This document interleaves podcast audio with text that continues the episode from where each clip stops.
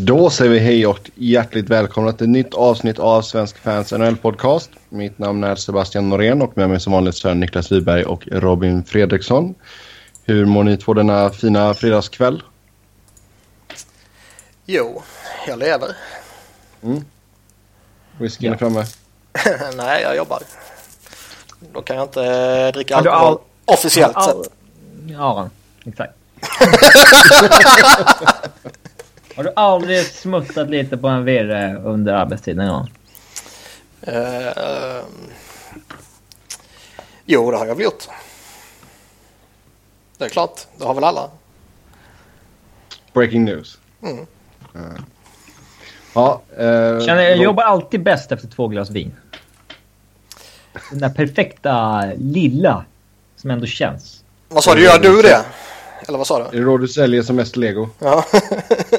Man jobbar som bäst efter två glas vin. Det är en ganska bra poddgrej också, två glas vin. Satsa på det nästa gång. Det, det är så här... Jag var med i DIF-podden att... Uh, så här, fan, din, det här var din bästa podd du har gjort med oss. Och så här, så. Det var enda gången jag varit lite packad.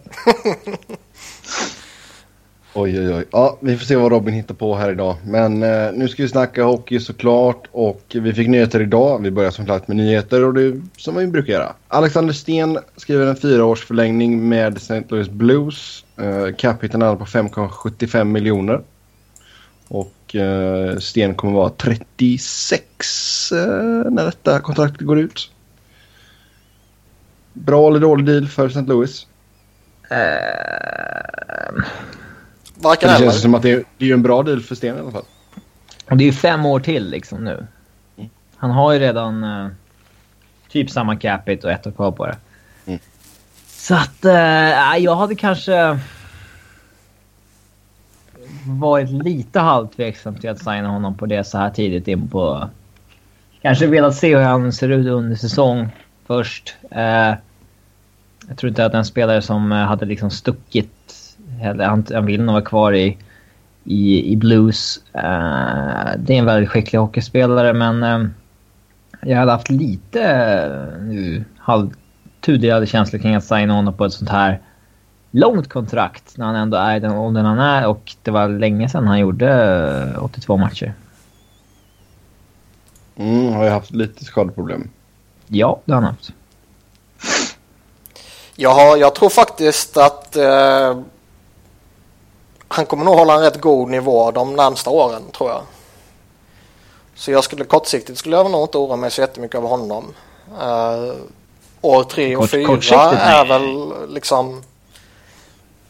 Där, där, där, kan det nog bli betydligt sämre. Men jag tror inte han kommer krascha på det sättet. Nej. Uh, och visst, han har 32 år, han har lite problem och allt sånt där. Och den gångna säsongen var väl hans sämsta 5 mot 5 säsong på, på en tid liksom. Men eh, ja, nej, jag svår spelare att utvärdera. På ett sätt har han varit jätteduktig i jättemånga år. På ett sätt har han bara haft en riktigt bra säsong. Mm.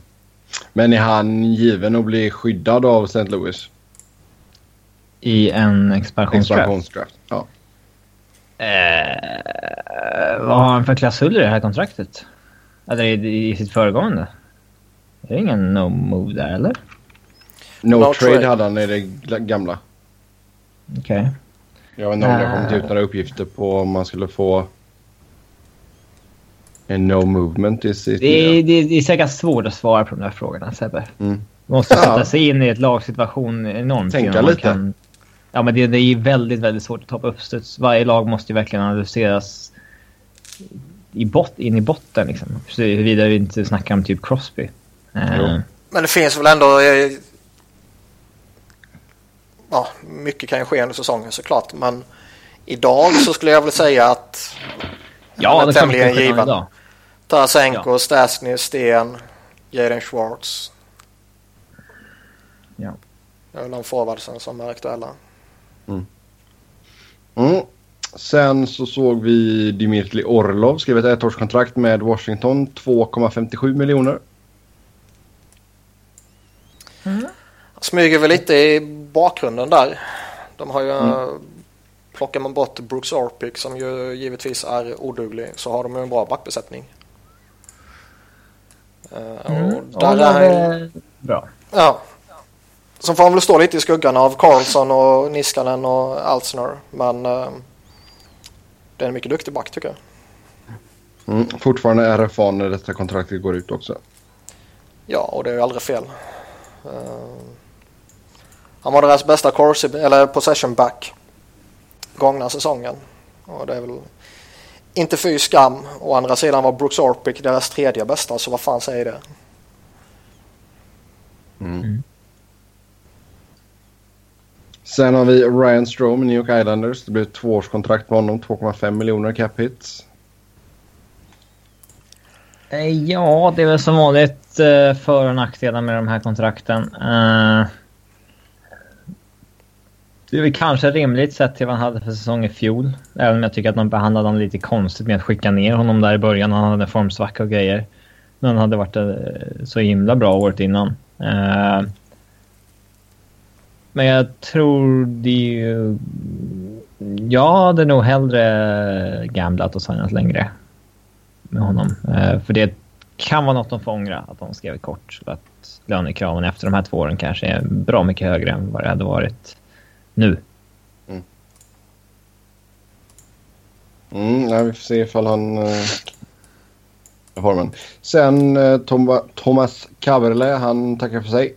Uh, går i pension, 38 år gammal. Det känns som han gick i pension när han vann med Boston där. Så han har ju knappt varit med sedan dess. Mm. Uh, ja. Det var han var ju bra när han var i sin prime. Då var det ju en riktigt bra back. Minnet man har av honom är väl... Toronto. Ja, jag tänkte säga det stora minnet man har det är avslutningen som inte alltid var jättesexig. Men när en rätt så respekterad och etablerad back har en liten halvtaskig avslutning så blir det väl gärna att det är minnet som etsar sig fast. Mm. Spelade för Kometa Brno i uh, Tjeckien här nu. Ja, det, var inte, det var inte den avslutningen jag menade. Utan jag menar snarare i NHL. Jo, tio matcher för Montreal 2012-2013. Ja, lite säsongen innan där också. Alltså det, det gick lite utför där ju. Men han var i Toronto där och i sin prime och i väldigt många år en väldigt duktig spelare. Ju.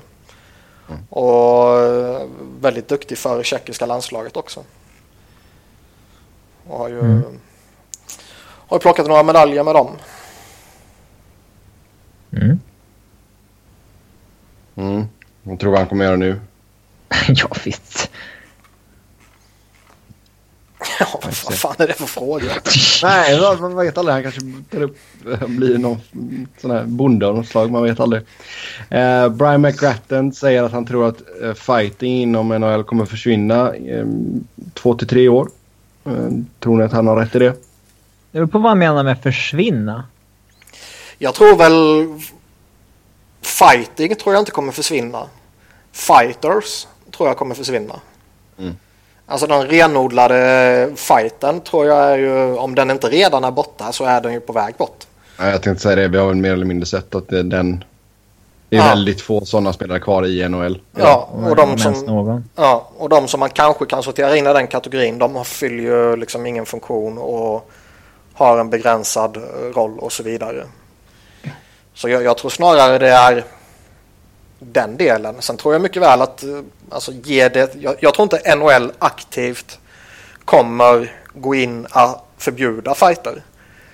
Däremot så kan det väl mycket väl ske på typ juniornivå och lägre nivåer och så ger man det några år och så när den nya generationen har tagit över så har de vuxit upp utan att fighta så då kommer liksom fighting naturligt försvinna. Det finns faktiskt ingen anledning till att fighting ska vara tillåtet om man vill använda den, den termen i juniorligor i, nej, nej. i hockey. Mm. Speciellt inte när det kan skilja fyra, fem år mellan vissa som fightas i juniorligorna. Det, det är bara idioti egentligen. Uh, men jag tror liksom, det kommer aldrig bli så att NHL liksom kommer införa SHL-regler att man, blir, att man får matchstraff och avstängning i, vid en fight. Nej, nej. Ja, det hoppas jag inte. Det är för starka krafter som fortfarande vill ha... Uh, Ja, det är för många gubbar som kommer rösta nej på en sån sak. ja. Eh, jag hade väl inte haft något emot om det automatiskt ska vara en game misconduct i alla fall. Eh, men... eh, men... eh, ja, jag tror att det kommer liksom av sig själv försvinna. På grund av att hockeyn utvecklas till en sport där det inte... Alltså du har inte råd att ha en fighter, renodlad fighter på rosten nu för tiden. Det går inte. Ehm, men alltså, jag säger så här. Stage fighting, det är, Då kan jag gå med på matchstraff och grejer. Visst, skicka ut dem.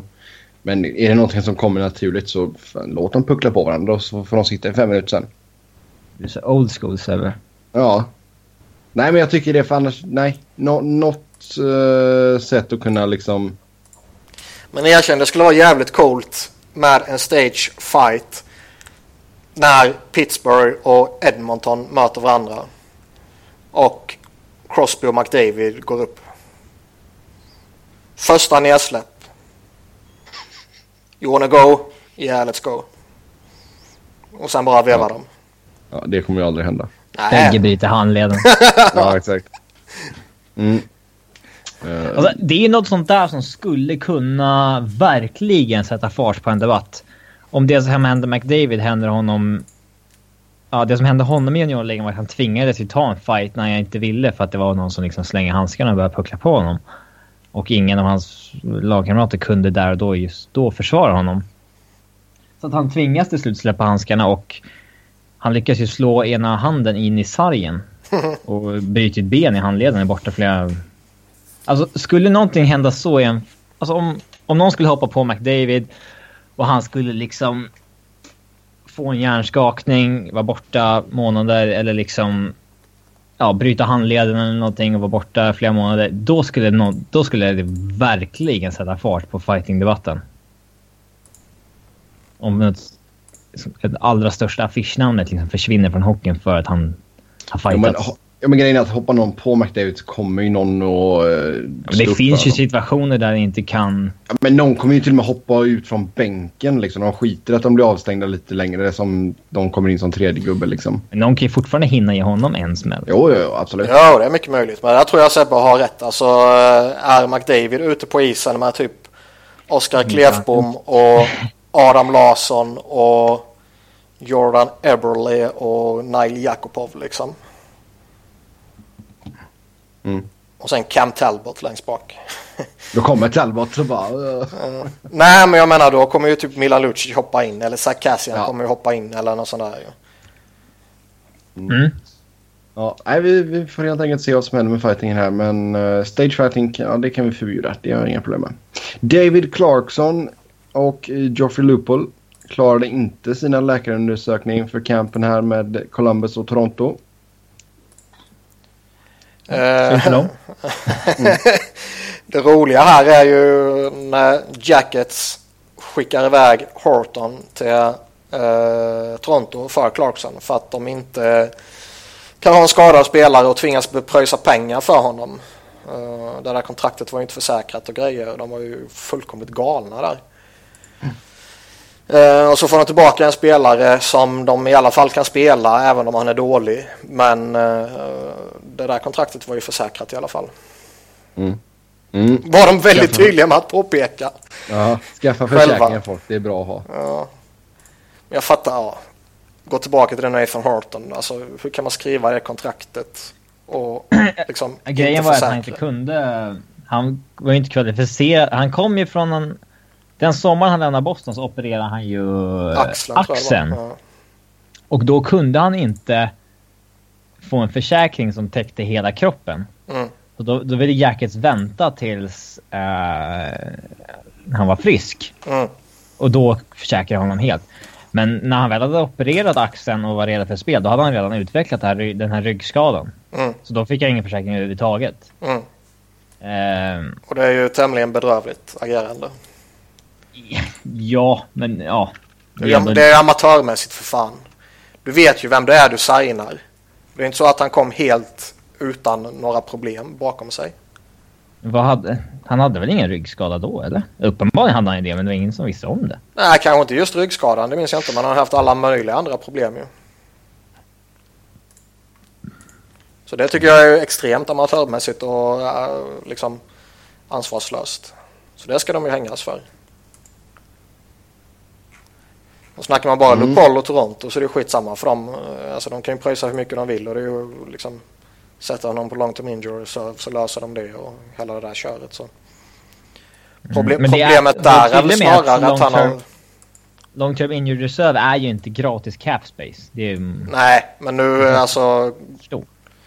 Kortsiktigt så är de ju i en sits där de inte behöver uh, oroa sig allt för mycket heller. Mm. Utan det kommer mm. de ju klara. Har Horton börjat scouta och sånt där precis som Robbie då eller? ja, jag vet kanske, faktiskt. Kanske är intresserad av det. Jag vet faktiskt inte. Kommer han, kommer han upp ur sängen? Jag vet inte. Ja, eh, sen har vi några stora UFA som ser fram emot 2017. Eh, vi tar några av de stora namnen och se vilka vi tror kommer signa här snart eller, eller vilka som man kan vänta signa med och vilka som vi tror kommer hamna på UFA-marknaden helt enkelt. Eh, Joe Thornton i San Jose han och Patrik Marle. I... Nej, jag tar den efter. Ta det lugnt. Jaha, varför då? Ja, därför. Flow. Ta det lugnt nu. Låt mig sköta detta. Fan. Det finns ju ingen som helst anledning till att ändra om på två... Är helt... Det är lugnt. Okej. Okay. Tar du och... Du missade den. Säg bara. Nej, det gjorde jag inte alls det. Tar du och drick din jägerpucko nu och så låt mig prata. Uh, Joe Thornton och Patrick Merlö, båda två sitter på utgående här nu. Uh, För folk som så... inte hängde med i försnacket så uh, kan de ju tolka det som att du kallar han för pucko.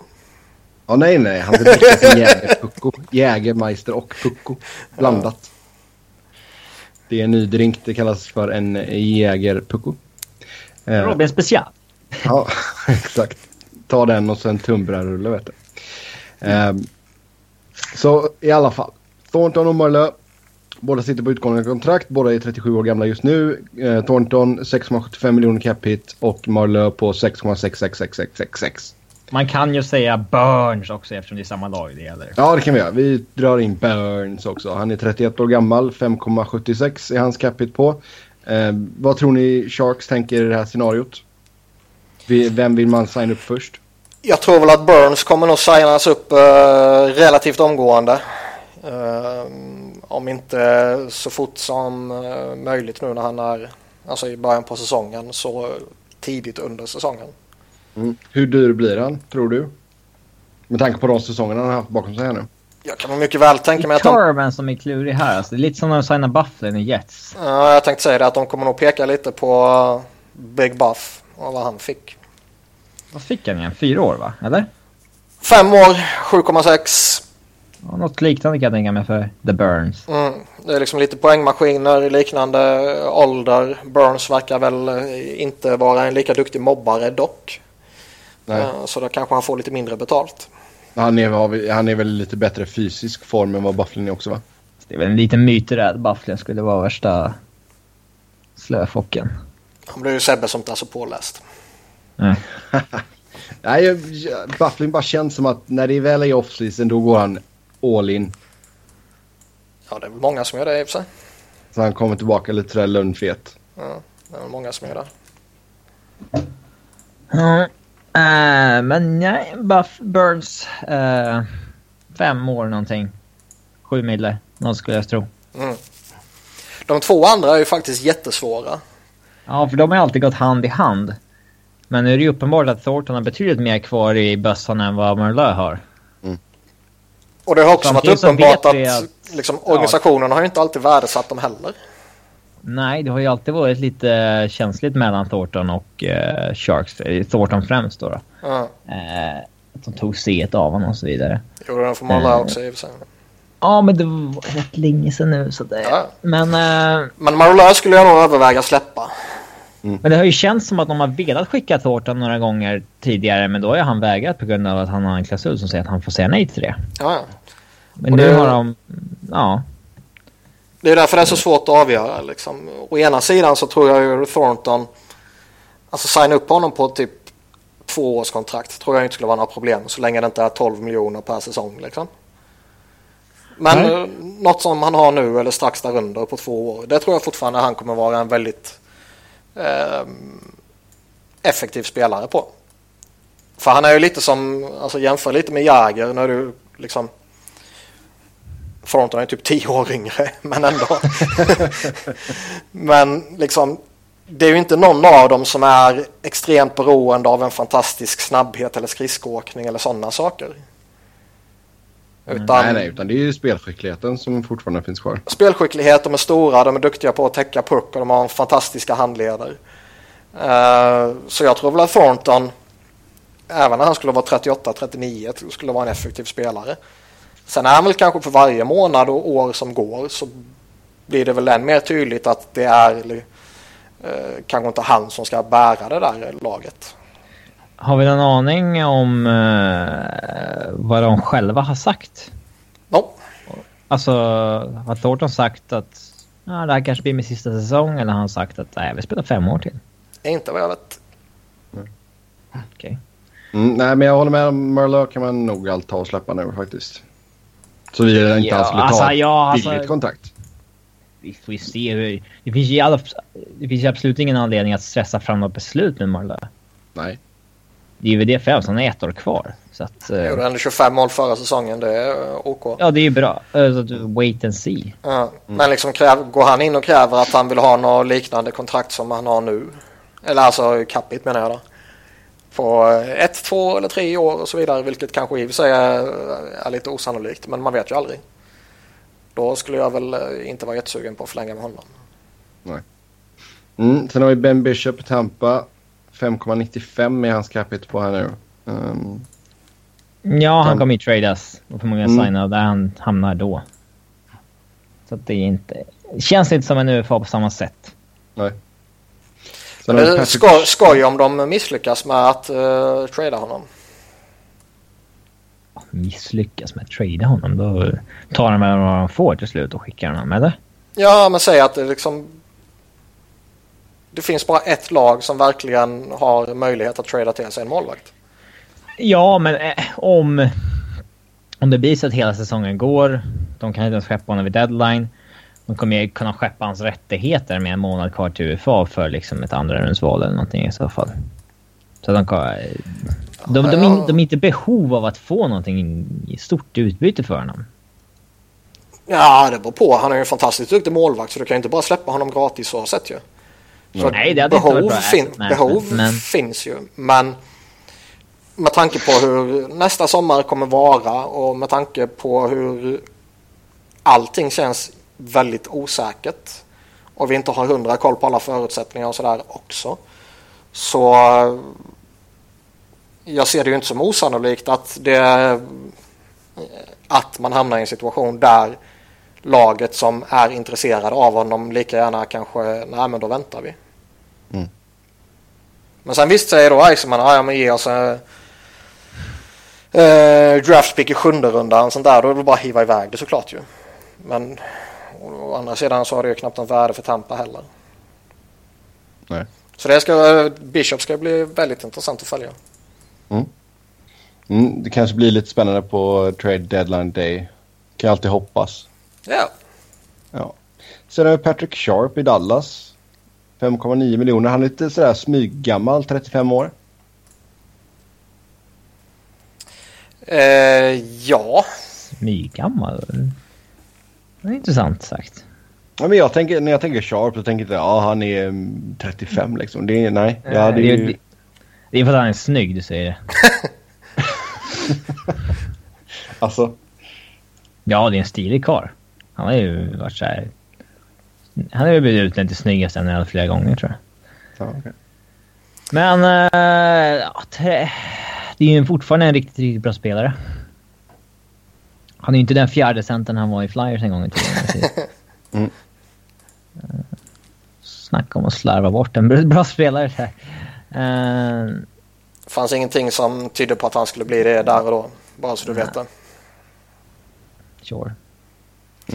Men liksom, du följer ju inte ligan då så jag förväntar mig inte att du har koll på det. Flyers tappade bort mycket, mycket bra spelare där i ja, faktiskt. Ja, jag vet. Men uh, Sharp var... Uh, det är ingenting jag hänger upp mig på med tanke på att det är liksom... Det är sånt som händer. Det, det var ingenting mm. som tydde på det där då. Nej. Men blir det lite vänta och se här från Dallas håll? Eller? Ja, det här är ju ingen blir... spelare du signar om en vecka. Det är ett, det är ett plus 35-kontrakt. Eh, som det blir. Så då är det ju bra att... Eh, ja, man ska inte hetsa fram någonting här. Nej, han fyller 35 i december ska vi säga. Ja, och vem vet, alltså det kanske visar sig att Jiri Hudler gör något jättebra och så signar de upp han som är några år yngre istället och så släpper de Sharp. Mm. Mm. Uh, ska vi se, vem mer kan vi prata om här som är intressant? Brad Marchand. Uh, 4,5 mille i cap hit just nu. Ja, han ska ju upp enormt mycket. Ja, 37 baljer förra säsongen. Och nu är det kontraktsår. Oj, oj, oj. Det kan bli riktigt farligt. Det ska bli lite intressant att följa för han är ju snart 30 bass. Mm. Mm. Alltså han har ju... Mm, 28. Mm.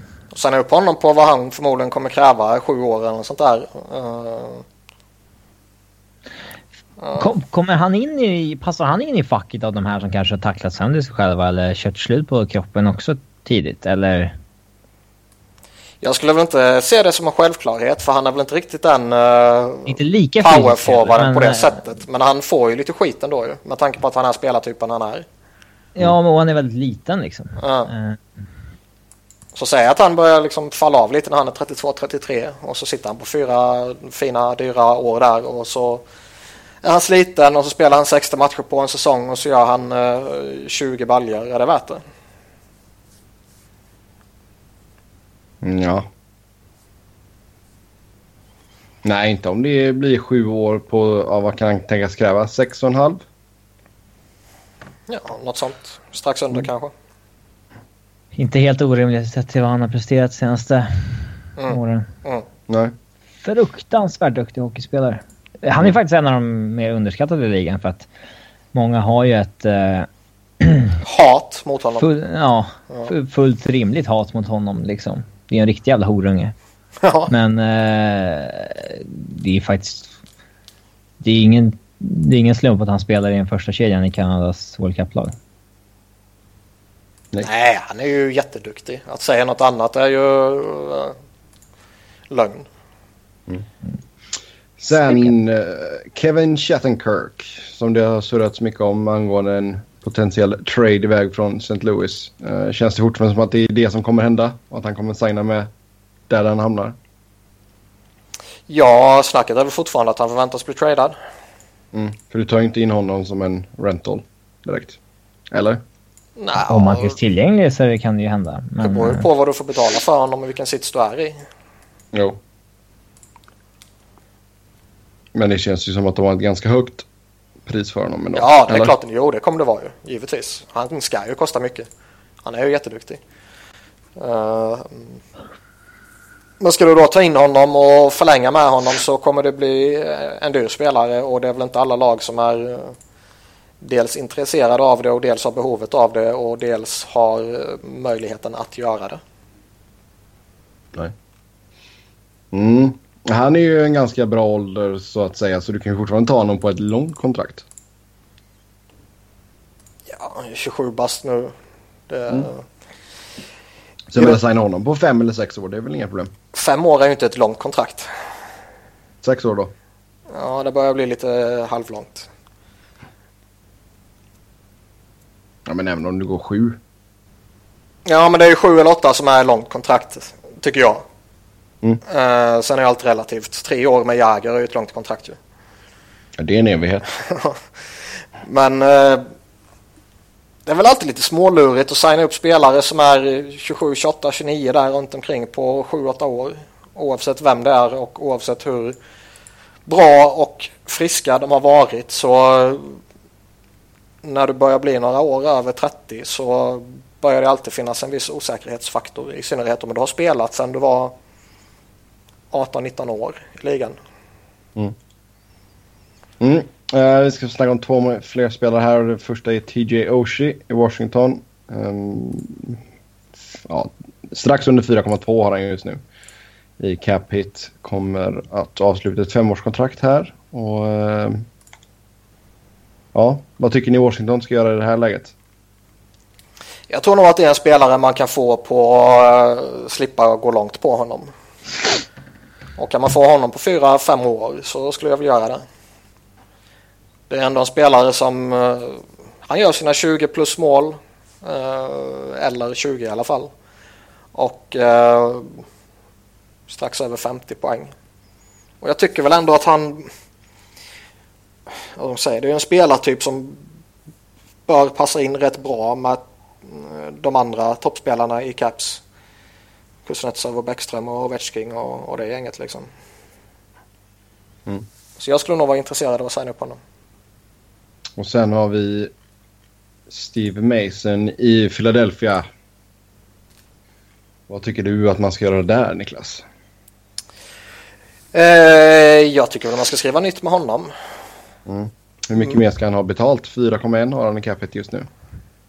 Skriva nytt nu eller om ett år? Eller under säsong? Ja, jag skulle väl inte vara jättedesperat att signa honom nu. Eh, men jag vill inte heller vänta till sommaren. Utan eh, låt det gå några månader. Alltså mm, kring årsskiftet där någonstans. Och kanske till och med vänta in trade deadline och se lite vad som... Alltså det... Jag håller Mason högt och sen han kom till Philadelphia har han varit en toppmålvakt i ligan ju. Men eh, var, han kan lika gärna krascha den här säsongen och så är det Mikael Neuwirth som tar över första spaden liksom.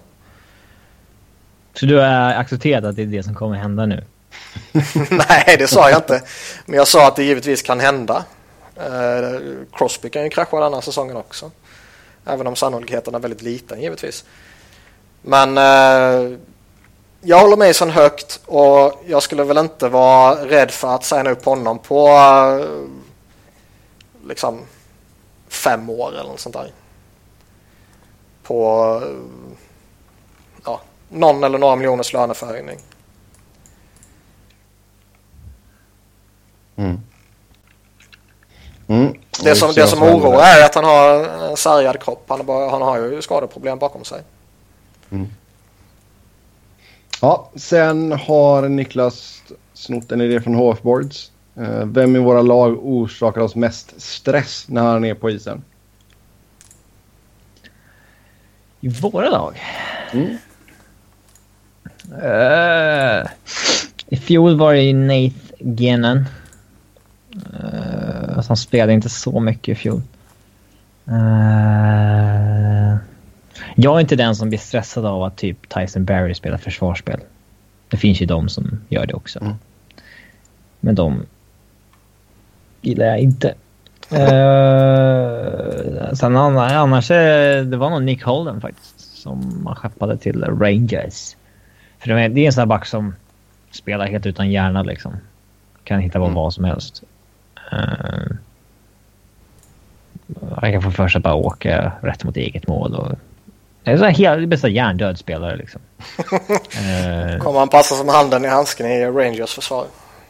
Mm. Men uh, ja, det var nog han. Uh, det, alltså det gäller ju oftast försvarsspelare.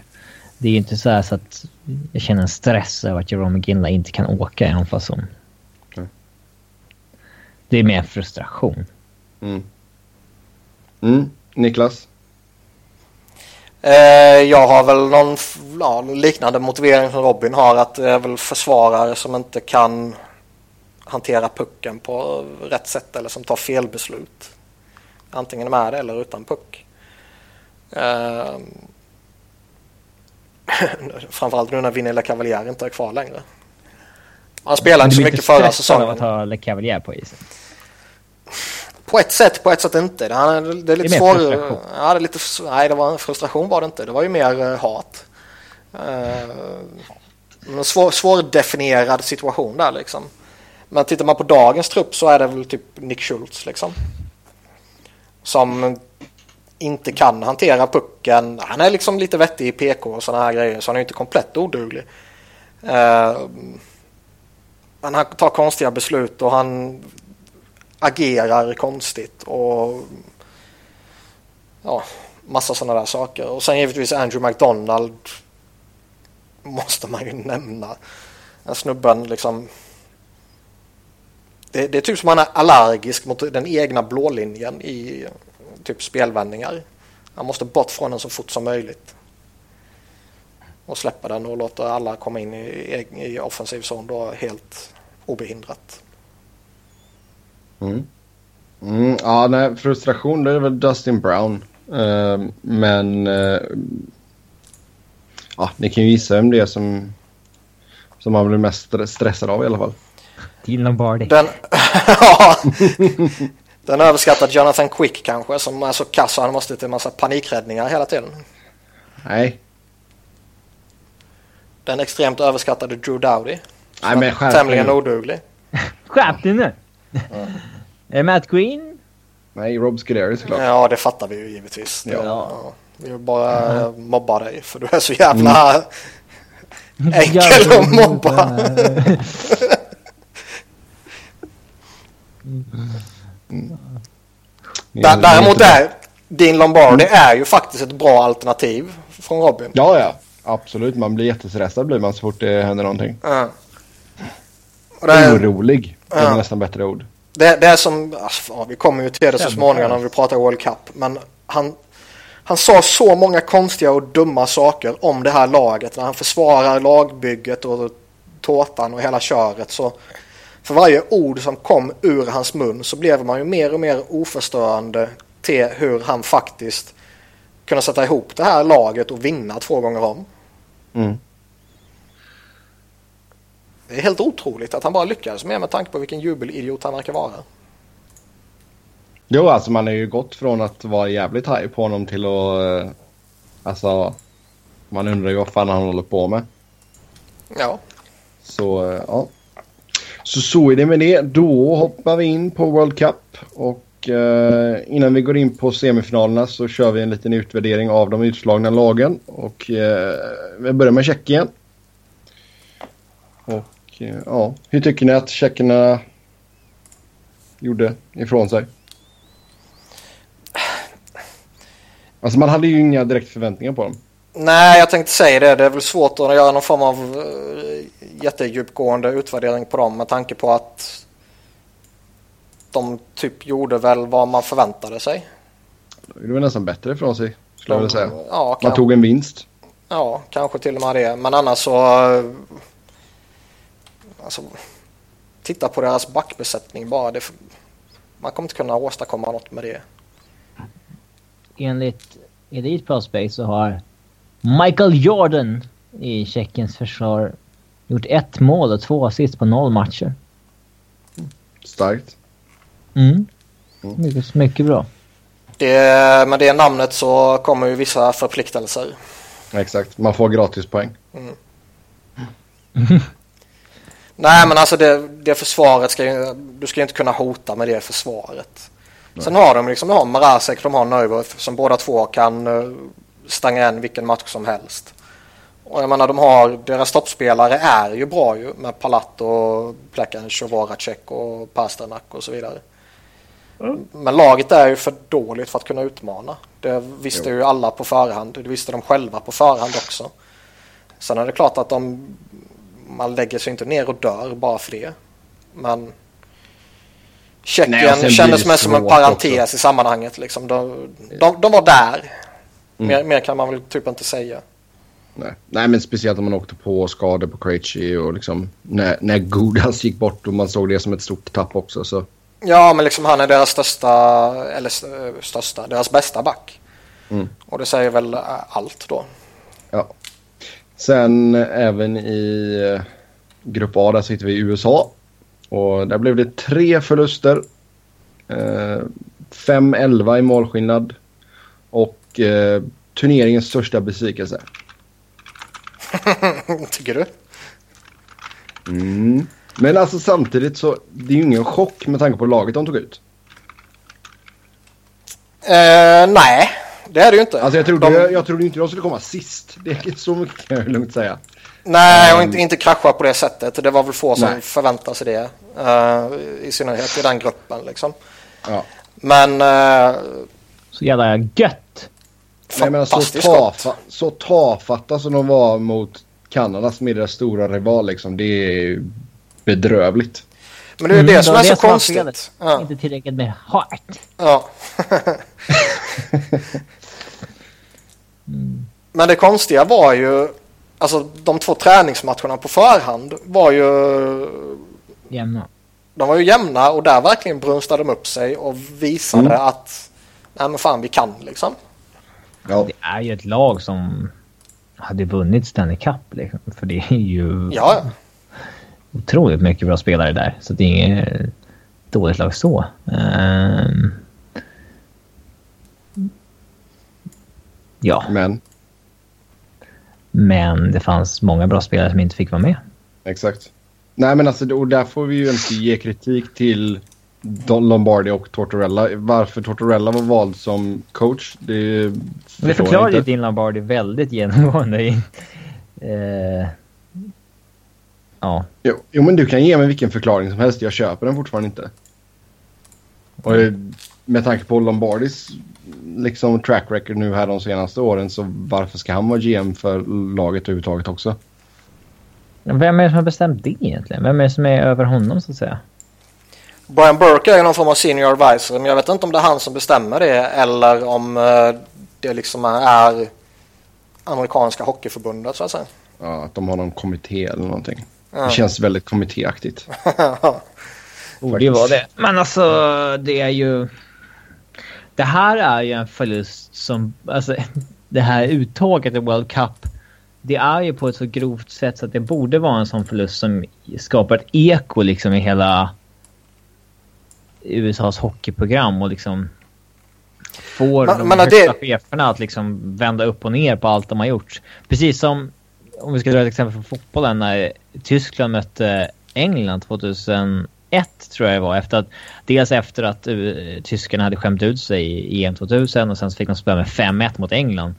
Och det blev en sån sorts wake-up call och de gjorde om hela sitt program och eh, över hur man utbildar unga spelare och så vidare. Och ja, typ tio år senare började vi verkligen se frukten av det. Mm. Eh, och det här är ju faktiskt ett uttag som liksom borde ge samma typ av wake-up call där de liksom inser att deras tankar och idéer är liksom outdated. Men det verkar inte som Men de, de, de är ju jätteframgångsrika på juniornivå. Alltså U16 upp till U20, de, de de, alltså, de får ju fram många, många bra... De får ju fram många, många bra spelare. Ja, Det är det. Men, jo, jo, men de har ju tagit hur många guld som helst ju. Alla de här olika turneringarna som spelas. Så deras juniorverksamhet, om man pratar så, är ju jättebra och jätteframgångsrik. Och det är ju det som gör så konstigt att man liksom istället för att typ notera det och se eh, vad de här spelarna åstadkommer när de kommer till NHL och så vidare. Så blickar man fortfarande tillbaka till World Cup 96 och bygger på det. Och det var till och med Dean Lombardi, han satt ju till och med och pratade om hur fantastiskt det laget var och att där hade vi 30 dagar på oss att sluta oss som en grupp. Det hade vi inte den här, men om jag skulle haft 30 dagar med den här gruppen då skulle jag ha gjort underverk och bla bla bla typ. Så jag, jag tycker det är så jättemärkligt att man inte liksom bygger vidare på det som har gjort dig till en stormakt igen.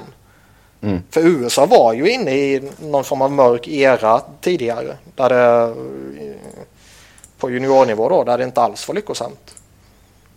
Och helt plötsligt gör man någonting och så går det jättebra. Men när du kommer upp på seniornivå så gör du helt andra saker och spelar jätteoutdated hockey med en dinosaurie som eh, coach. Liksom. Som man verkligen såg i Rangers att hans hockey funkar inte. Du såg i Vancouver, hans hockey funkar inte. Du har sett i Columbus och du kommer fortsätta se i Columbus att hans hockey inte funkar.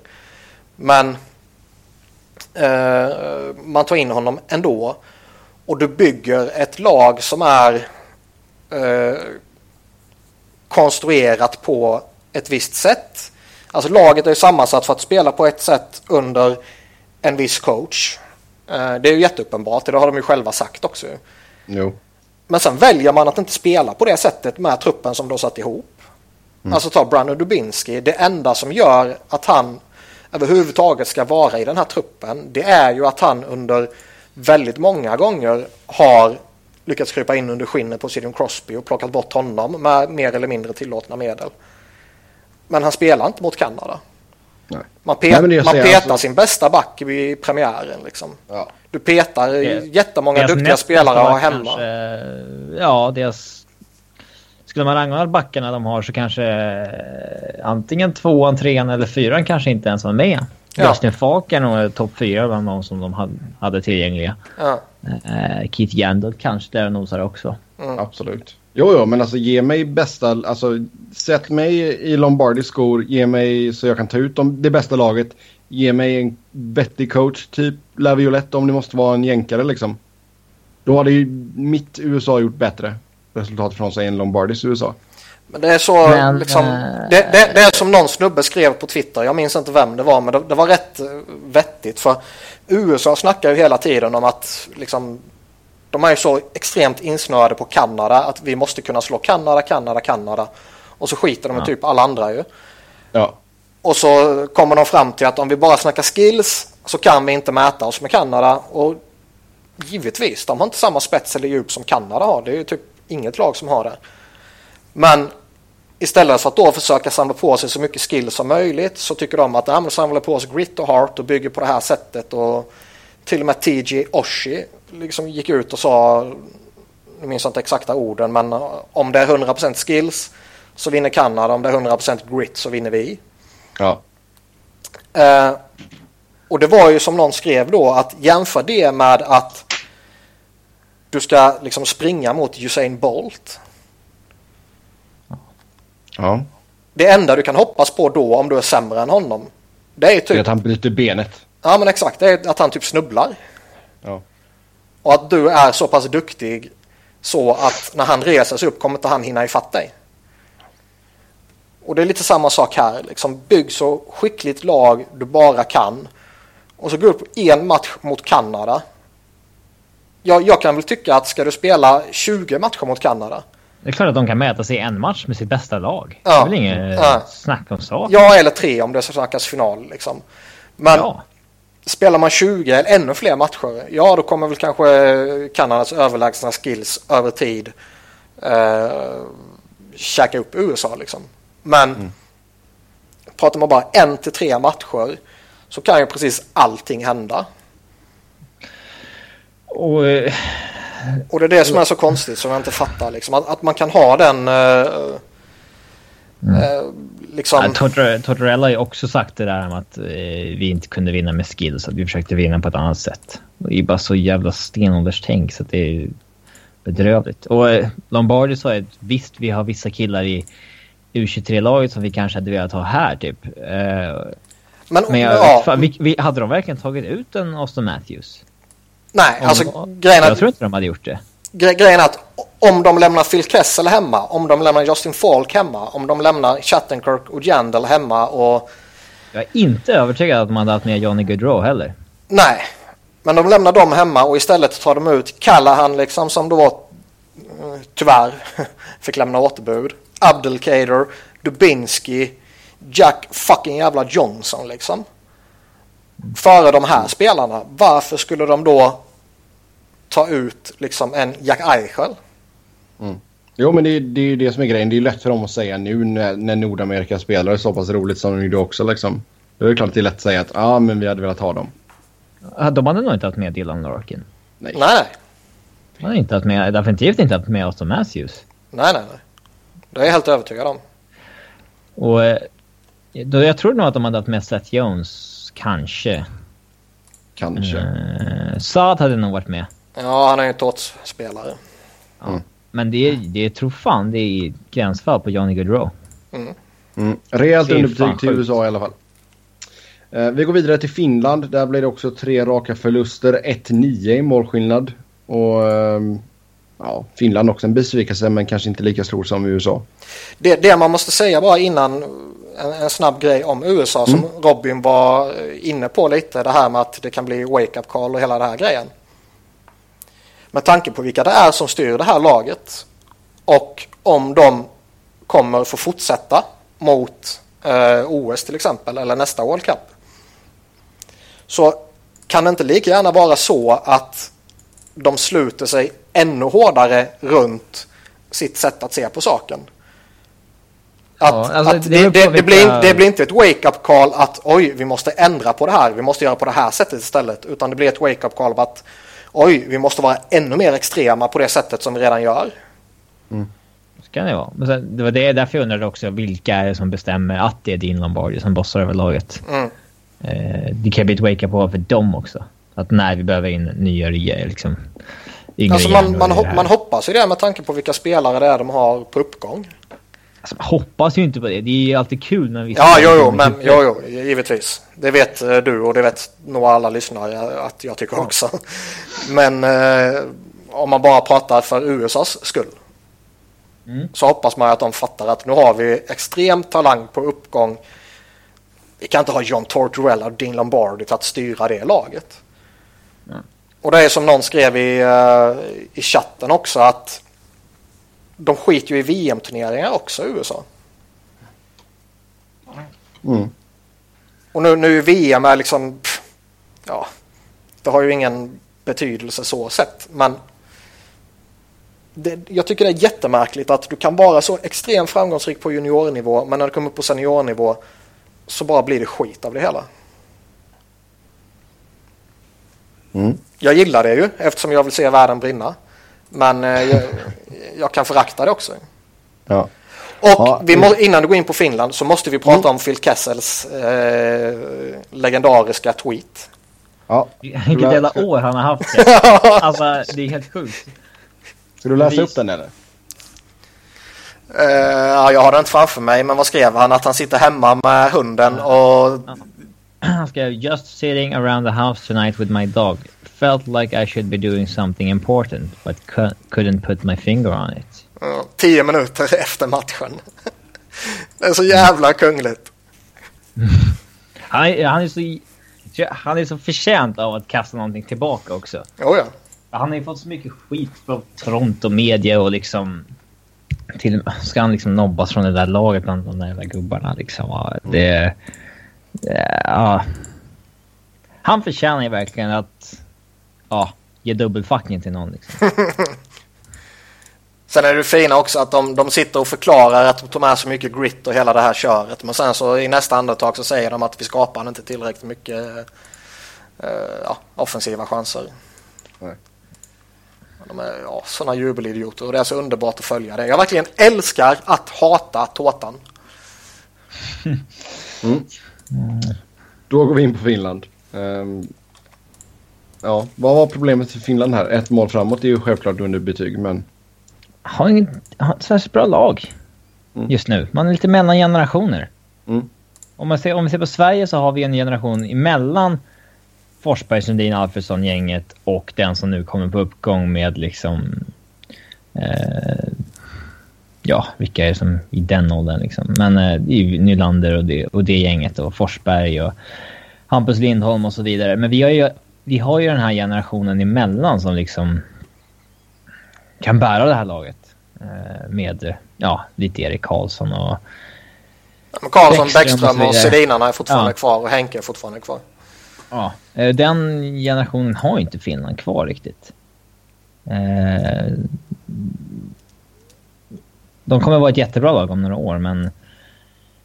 Liksom, visst, alltså Vatanen, Ristolainen, Pocka och Mäte, det är liksom lovande backar.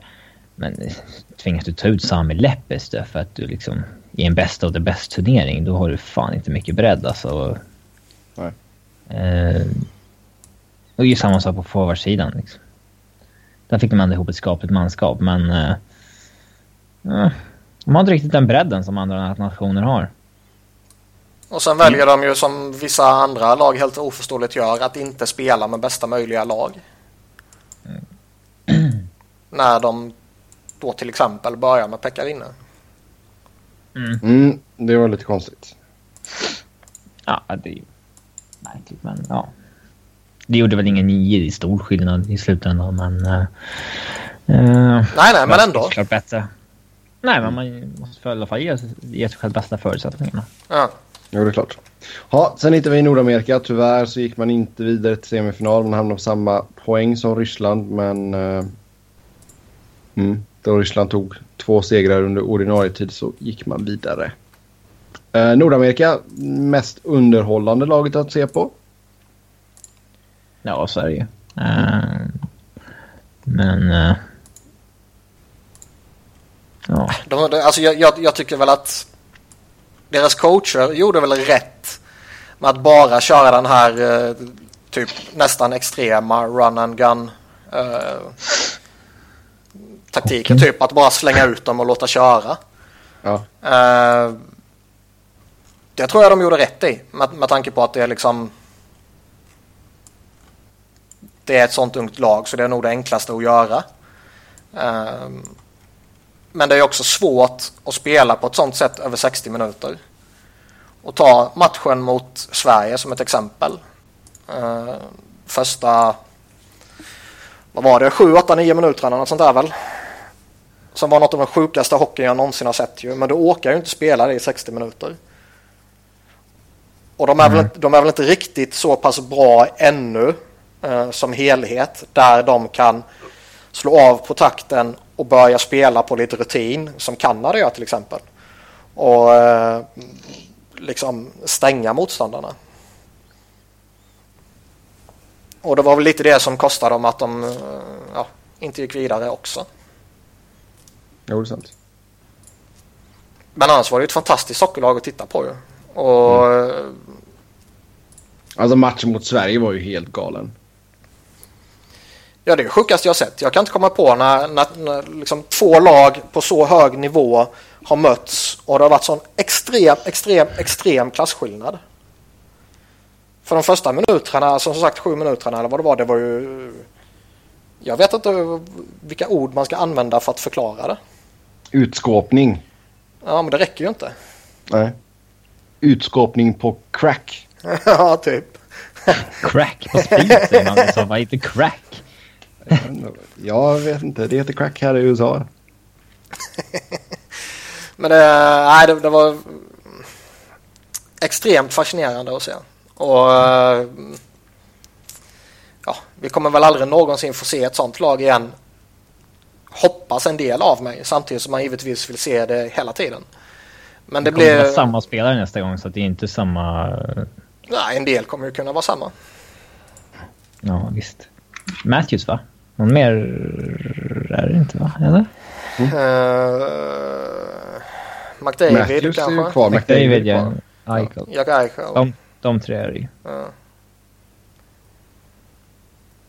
Mm.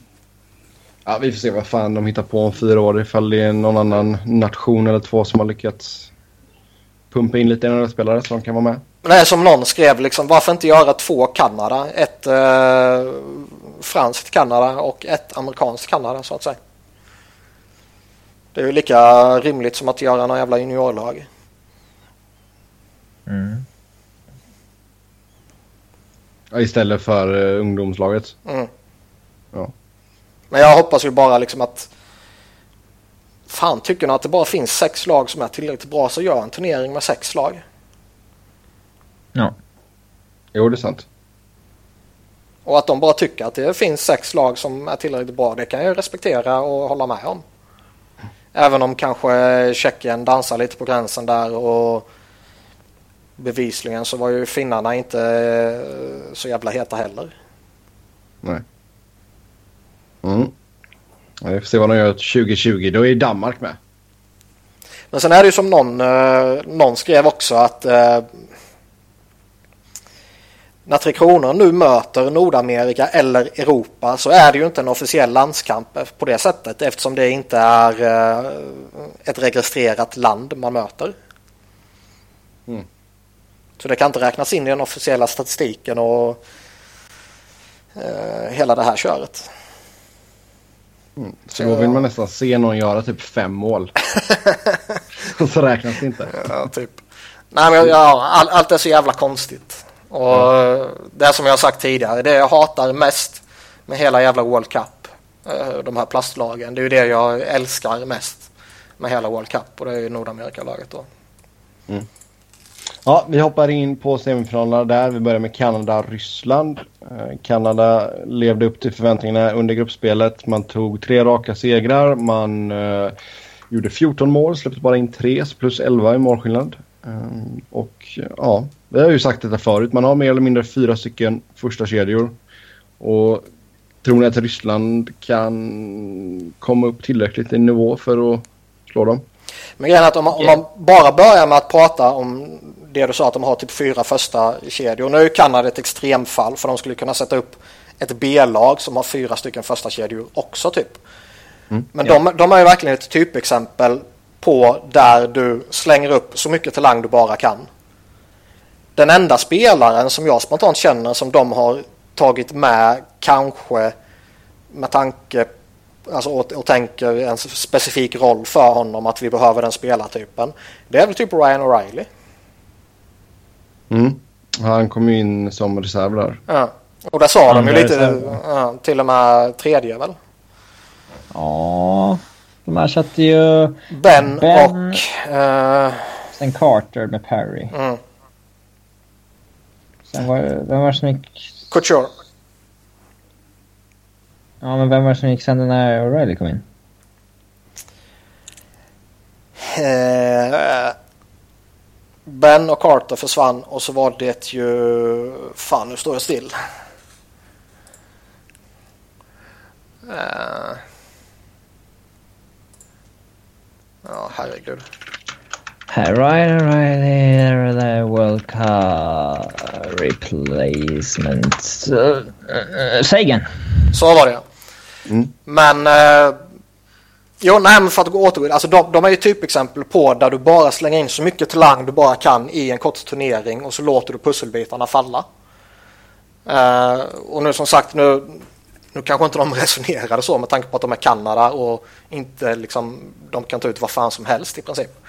Men man ser ju verkligen jättetydligt här vad, när Crosby och Marchand och Bergeron inte gör någonting så är det ju istället liksom en fjärde kedja med extremt skickliga spelare som producerar. Mm. Men jämför då med USA när Pavelski och Parise och Kane inte producerade. Då var det hastigt och lustigt Abdelkader och Kessler och liksom Dubinski som var tvungna att göra grejerna. Och då fattar man ju själv att ja, då har du kanske inte jättebästa förutsättningar så att säga. Nej, det har du helt rätt i. Eh, om vi tittar på Ryssland då. Man eh, torskade mot Sverige i första matchen och sen så tog man två vinster. Men det gäller ju alltså. De har ju inte samma bredd som eh, Kanada har. Speciellt inte på backsidan. Men Nej men här, ju... här, här har vi också, alltså här är ju om vi snackar USA och återigen där de försöker bygga något speciellt. Här har vi Ryssland. De slänger in det bästa de har i en jävla hög och så får de med Dadonov, Dachuk och Kucherov. Dachuk om han kan spela nu, han är ett frågetecken i och för sig. Med Kuznetsov, Malkin, Ovechkin, Panarin, Chipachov, Tarasenko och liksom slänga ihop det i en jävla hög och se vad som händer. Och allting kan ju hända i en enstaka match mot Kanada. Även om Rysslands backbesättning är skräp och även om Sergej Bobrovski skulle ha en riktig jävla skitturnering så kan ju fortfarande Ryssland köra över Kanada i en mm. match. Med tanke på vilken extrem offensiv talang de har. De har några av världens bästa målskyttar, de har några av världens bästa centrar. Alltså, alltså Ryssland kan alltid skrälla mot Kanada i en match. Ja, och liksom när vi bara pratar en match, Kanada-Ryssland, så alla förutsättningar nollställs ju. Ryssland har varit halvskakiga, Kanada har varit jävligt mäktiga. Helt ointressant imorgon. Mm. Eller idag beroende på när du lyssnar på podden kanske. ja, eller igår. Ja. Ehm, och i efterhand kan man ju framstå som världens jävla idiot nu när man säger det. Men uh, det är jag van vid. Men jag tycker verkligen att i en match allting kan hända. Fan, Europa kan ju gå ut och slå Sverige i, på söndag. De ni gjorde det i träningsmatchen. Ni vet vem George Strom... Ja, Gather Strom var i alla fall. Som brukar vara Ja. programledare på Sportsnet. Ja, han har det sköna. Och är det Strombolopoulos? Ja. Det har hittats en död människa i hans hus. Oj. Och han är på... Ingen vet vart han är. Det har hittats en människa ihjälslagen i hans hus och ingen vet vart han är. Oj då. Body found at Hollywood Hills, home of George Strombopoulos. Strombo was not there at the time. LAPD investigating. Hmm. Hockey. Lite, ja, det är ju ganska hockey-related. Han är ju programledare på Sportsnet. Ja. Det är... Ja. Det är sällan man inte har någonting med det att göra om någon är igenslagen i sitt eget hem. Mm.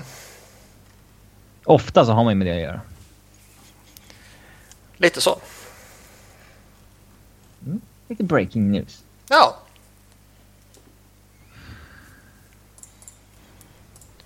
Uh, ska vi se. Du, du, du, du, du, du. Strombolopoulos was in New York City at the time. He told the station he did not know who the victim was. More to come. Mhm. Ja. Mm. Han har säkrat alibi på förhand. Ja, eh, ja. Tillbaka till hockeyn i alla fall. Um, Sverige-Europa. Niklas som du sa. Europa kan mycket väl slå Sverige ifall de får allting att klicka. En match. En match. Men de, de, de, de, behöver inte få saker att klicka. Det räcker med att Halak spelar på ett vettigt sätt och att Sverige eh, liksom... Lundqvist har en halvdålig dag. Ja. Men alltså från det sättet hade det inte nästan varit bättre att eh, möta Kanada i semi. Nej. Det där kan man ju diskutera. Alltså det är, att det är, det är kanske enklare att rubba Kanada i en match än i tre. Mm. Men eh, alltså det är ändå roligare att gå till final. Ska ge Marcus Andersson lite cred för den frågeställningen också. Man, ja, jag har redan eh, argumenterat ner honom. Då får du göra, då får du göra det i poddform också. Eh, nej, men alltså det är klart att allting kan hända i en match. Det är kanske enklare att vinna en match än att gå upp i tre matcher. Men som Robin sa, man vill gå till final. Jag kommer ju hellre tvåa än bli utslagen i en semifinal och det är ju ingen bronsmatch liksom. Nej. Plus att torskar du semifinalen så du kör, då får du åka hem. Torskar du första finalmatchen så har du en chans till. Sant. Mm. Det är så jag ser på det i alla fall. Jag tar, Ja, dem, jag tar dem hellre i finalen, även om det innebär att man blir förnedrad i finalen. Hur ser du på Sveriges chanser mot Europa? Det är klart man är förhandsfavoriter. Alltså, Europa har ju övertygat. De har ju varit bättre än vad jag tror att de själva till och med förväntade sig. Eh, Ja. Sen har väl kanske det lite att göra också då mm, väldigt mycket med att USA var så extremt odugliga. Men det är klart de har övertygat och, och liksom, de har ju några pjäser som är riktigt bra. Vi har pratat om det tidigare men Chara och Josie är ju två bra backar. Eh, uh, Anse Kopitar kan ju mäta sig med vem som helst och Gaborik och Hossa och Dreisaitl är ju bra lirare liksom. Frans Nielsen är en helt okej i center. Uh, Zuccarello och Tatar kan göra grejer och så vidare. Så det, det är inte så att de är helt odugliga men givetvis är Sverige stora favoriter. Bödker är inte bra dock. Så det vet vi sedan tidigare. Ja, men han är ju dansk. Mm. Mm. Men sen är det, Ja. sen är det som jag sa, liksom Halak. Alltså, han kan ju lika gärna släppa in fem mål eller hålla nollan. Ja, men så, han är en average målvakt. Han Han kan spika Ja. igen en match. Liksom, absolut. Det är, så kan det absolut vara. Ja, då ska vi tippa semifinalen eller? Nej. Ja, Sverige-Kanada säger jag. Sverige Ja. kan alla final. Okej. Då är vi eniga där. Då hoppar vi in på uh, vår preview-serie. Och det är dags för Atlantic Division. Förra veckan så körde vi Central. Så missade ni den så får ni gå tillbaka och lyssna. Eh, detta är utifrån... Bokstavsordning. Ja, du körde inte rankingen där nej. Nej, den är inte klar. inte Vi kan ju inte spoila Nej. den innan den är publicerad för fan. Nej, det, det gör du rätt i. Ja. Mm. Men om jag skulle gjort fel vi- skulle jag gjort på samma sätt. Däremot så kör vi våra tippningar i slutet av det här va? Ja, det kan vi nog göra. Då börjar vi med Boston. Eh, frågeställningen där är, är man närmre eller längre ifrån slutspel nu och hur skulle vi använda David Backes? Alltså det är ju... Jag vet inte om man blir bättre eller sämre med om man byter Louis mot Backes. Det är väl egentligen... Alltså... Det är väl skitsamma tror jag. Den stora... Olika typer av skägg men jämnt skägg. det som är det till deras nackdel är att Sedon Chara är ytterligare ett år äldre. Eh, Patrice Bergeron är ytterligare ett år äldre även fast han inte ser ut att åldras ett dugg men eh, det kommer ju komma en dag. David Krejci eh. börjar se sådär ut kanske. Ja. Eh, det är väl mer att han inte är värd det kontraktet han har. Ah, vi pratar om en kille som har vunnit poängligan i slutspel två gånger men... Eh, eh, alltså, det är en första center. Det är det ju. Men... Eh, jag vet inte. Man har väl samma, samma chans som i fjol kan jag tycka. Ja, jag ser inte att det är någon större skillnad så. Eh, jag, jag tror de kommer vara bubble team. De kan mm. lika gärna ta sig till slutspel med eh, flera poängs marginal ner som de kan missa slutspel med flera poängs marginal upp. Backer såg ju riktigt trög ut i World Cup dock. Så att uh, det borde vara... Svår, ja, men det är svårt också liksom. Här går de in och spelar en handfull träningsmatcher och sen spelar de matcher direkt på det medan de är vana med att komma på en camp, köra igenom och få massa träningsmatcher där och vissa av de här veteranerna liksom, de landar ju inte springande om man säger så som vissa ungdomar gör utan de behöver startsträcka för att få upp farten. Ja, ibland så säger man ju så. Ibland så säger man att att han kan se fräsch ut första månaderna på säsongen men sen så blir det trött. Liksom. Ja, men jag, jag skulle vilja säga att de går hand i hand också. Att när han väl har tagit sig över den här tröskeln i början då ser han jävligt fräsch ut. Utan han handlar mer att komma igång lite. Mm. Mm. Sen har vi Buffalo. Och eh, vad krävs för att Sabres ska ta nästa steg och utmana om en slutspelsplats? Och vad kan man förvänta sig av Jack Eichel? Och vad skulle vi göra med Evander Kane? Mm, Evander Kane, återigen ett stökmoment. Ja, men han är ju dum i huvudet. I, om, idag var han ute och snackade om att han typ är ett offer för att eh, han är en kändis och folk går efter honom. Eh, och att det typ är synd om honom. Mm, han hade ju lagt en countersuit där mot den här kvinnan. Ja, och sen alltså. Det är kanske hon som har gjort fel här, det vet man ju inte. Alltså, man, man kan ju inte ta någons parti utan att uh, känna till någonting så att säga. Men med tanke på att det inte är första gången som han hamnar i problem så är det ju något fel på honom. Det fattar ju alla. Uh, sen kanske han har helt rätt i just den här situationen. Men jag har ju svårt att se att han har haft rätt i alla situationer som har drabbat honom. Mm, men vad hade du gjort om du var Buffalo här då? Ja, vad kan man göra? Du kan uh, ja, trade iväg honom. Det tror jag inte. Du kan skicka ner honom i AHL. Då kommer han hamna på waivers. Ja. Ja, men grejen alltså, även om han hamnar på waivers eller alltså kommer något lag ens vilja ta honom med tanke på att han fortfarande är involverad i den här skiten och eh, inte har presterat i motsvarighet till talangen om man säger så. Mm. Nej, men uh, han gjorde ändå 20 mål i fjol. Så att, uh... Det är därför jag sa emot, uh, alltså jämfört med talangen som han har, som är betydligt mer än 20 mål. Så är det ju, men jag svårt att se att en kille som du 25 bast gjorde 20 mål för inte skulle bli upplockad på waivers. Oavsett vad han är för stökig Ja, ja, i och för sig man förvånas ju ingenting i den här ligan längre med tanke på vad, eller andra stora idrottsligor också, vad som händer. Ja, det här är ju en pisseniden när vi hade pratat om NFL-spelare, eller? Mm.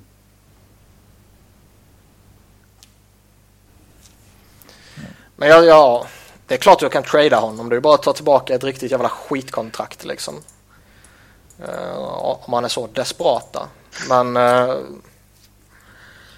det är så jävla svårt. Man måste ju vänta ut det här och se vad som händer med den här eh, senaste grejen också. Om han frias eller fälls och vad händer om han fälls och hela det köret. Så det är väl svårt. Snackar man laget i övrigt så är det väl lite De behöver nog ta ett kliv till, tror jag. Mm. Mm, det kan nog behövas ett år till tror jag.